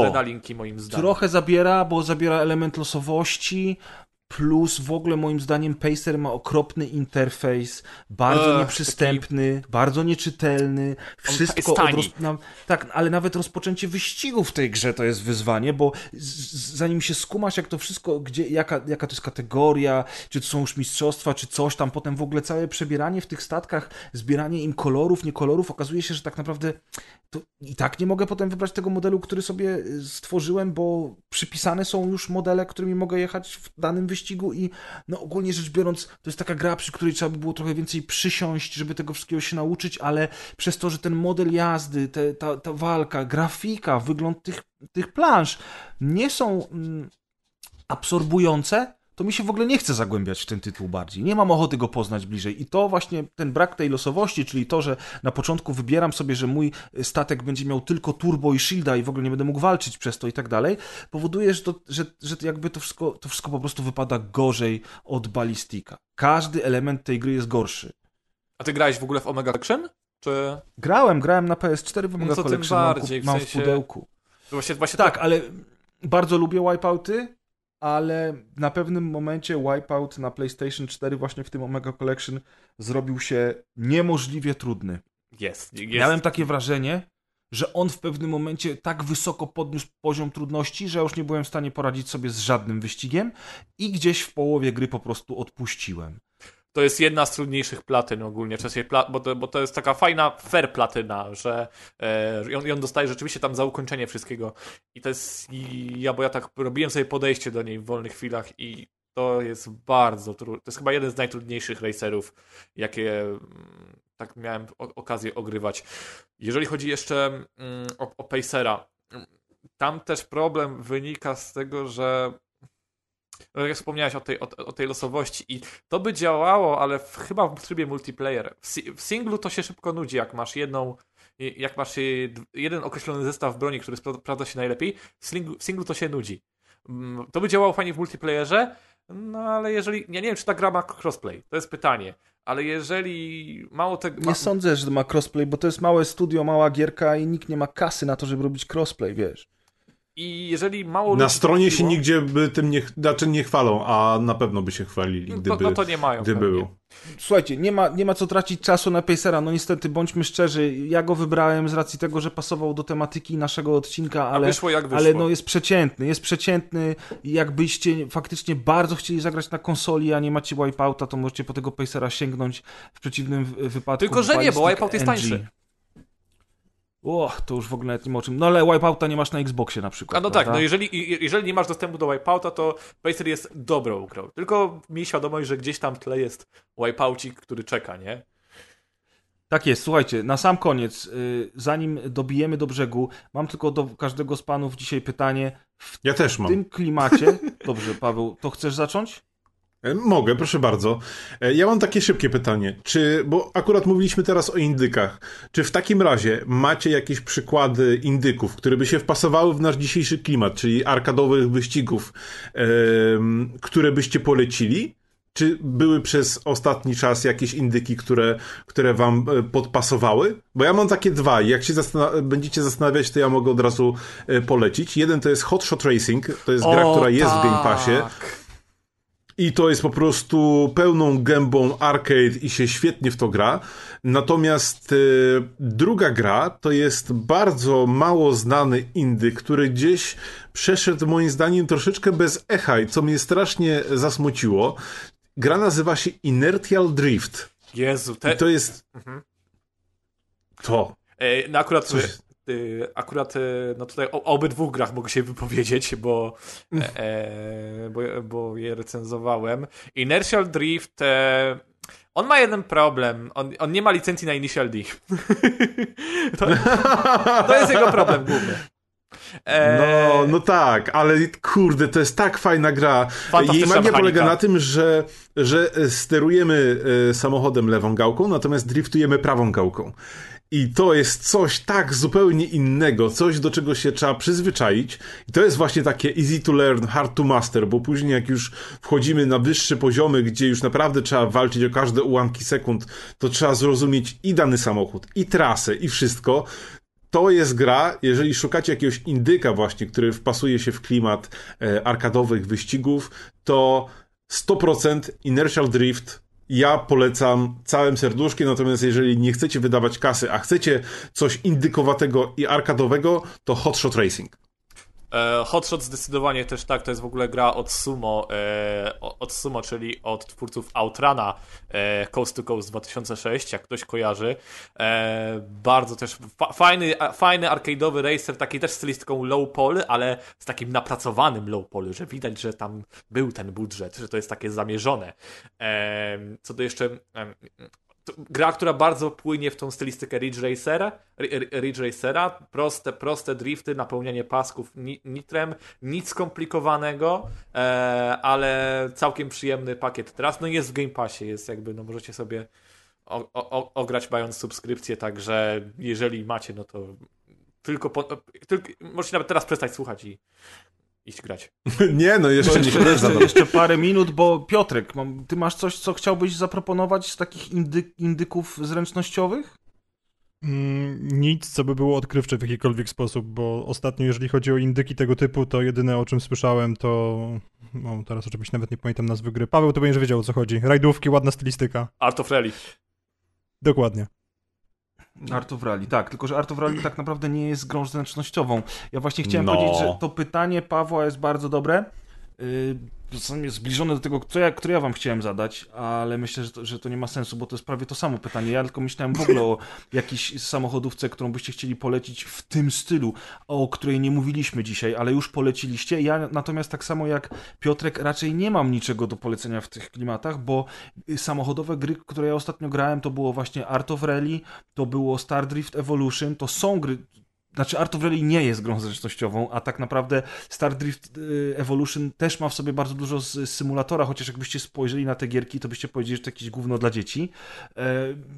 Nie jest tak, ja, ale ja myślę, że byśmy mogli się umówić w najbliższym czasie znowu i pogadać o tego typu grach, bo jest ich więcej. Nawet Paweł na ostatniej rozgrywce opowiadał ze mną o takich wyścigach. Przypomnij mi tytuł, Paweł. Circuit Superstars. Circuit Superstars O, ja to muszę jeszcze zagrać. gra tego typu. Tylko te, tak. Genialne. To już, to już zupełnie inna bajka, zupełnie inny gatunek tych gier, zresztą one też między sobą się bardzo różnią. Ja bym do tych paru kolorowych ścigałek chciał jeszcze dołożyć Downhill, tę grę o zjeździe na rowerze górskim, która Mhm. też ma w sobie coś takiego realistycznego Ja trochę fizyki, a jednocześnie jest taką bajkową, bardzo cukierkową gierką. Myślę, że na, spokojnie na kolejnej dokładce o tym wszystkim sobie będziemy mogli porozmawiać. A Szymon, co ty masz jeszcze za grę? E, Znaczy, w sumie to nie, bo się to w offroad wpisuje, więc może po prostu następnym razem. Czyli nie ma, czyli Szymon nie ma. No, to, czyli jednak nie ma. Słuchajcie, ja wam dziękuję ślicznie za dzisiejsze Jednak nagranie. Jednak nie, Szymon, ale spokojnie będzie jeszcze okazja. Dziękuję wam ślicznie za dzisiejsze nagranie. Mam nadzieję, że będziemy mieli teraz więcej okazji do takich dokładek różnorakich. Słuchacze na pewno się y, chętnie też podzielą z nami swoimi jakimiś takimi grami w komentarzach oczywiście. Y, No, a ja z wami pewnie usłyszę się niebawem. Także dzięki śliczne. Dziękuję. Dziękujemy. Także dziękuję. Do usłyszenia. Na razie, pa.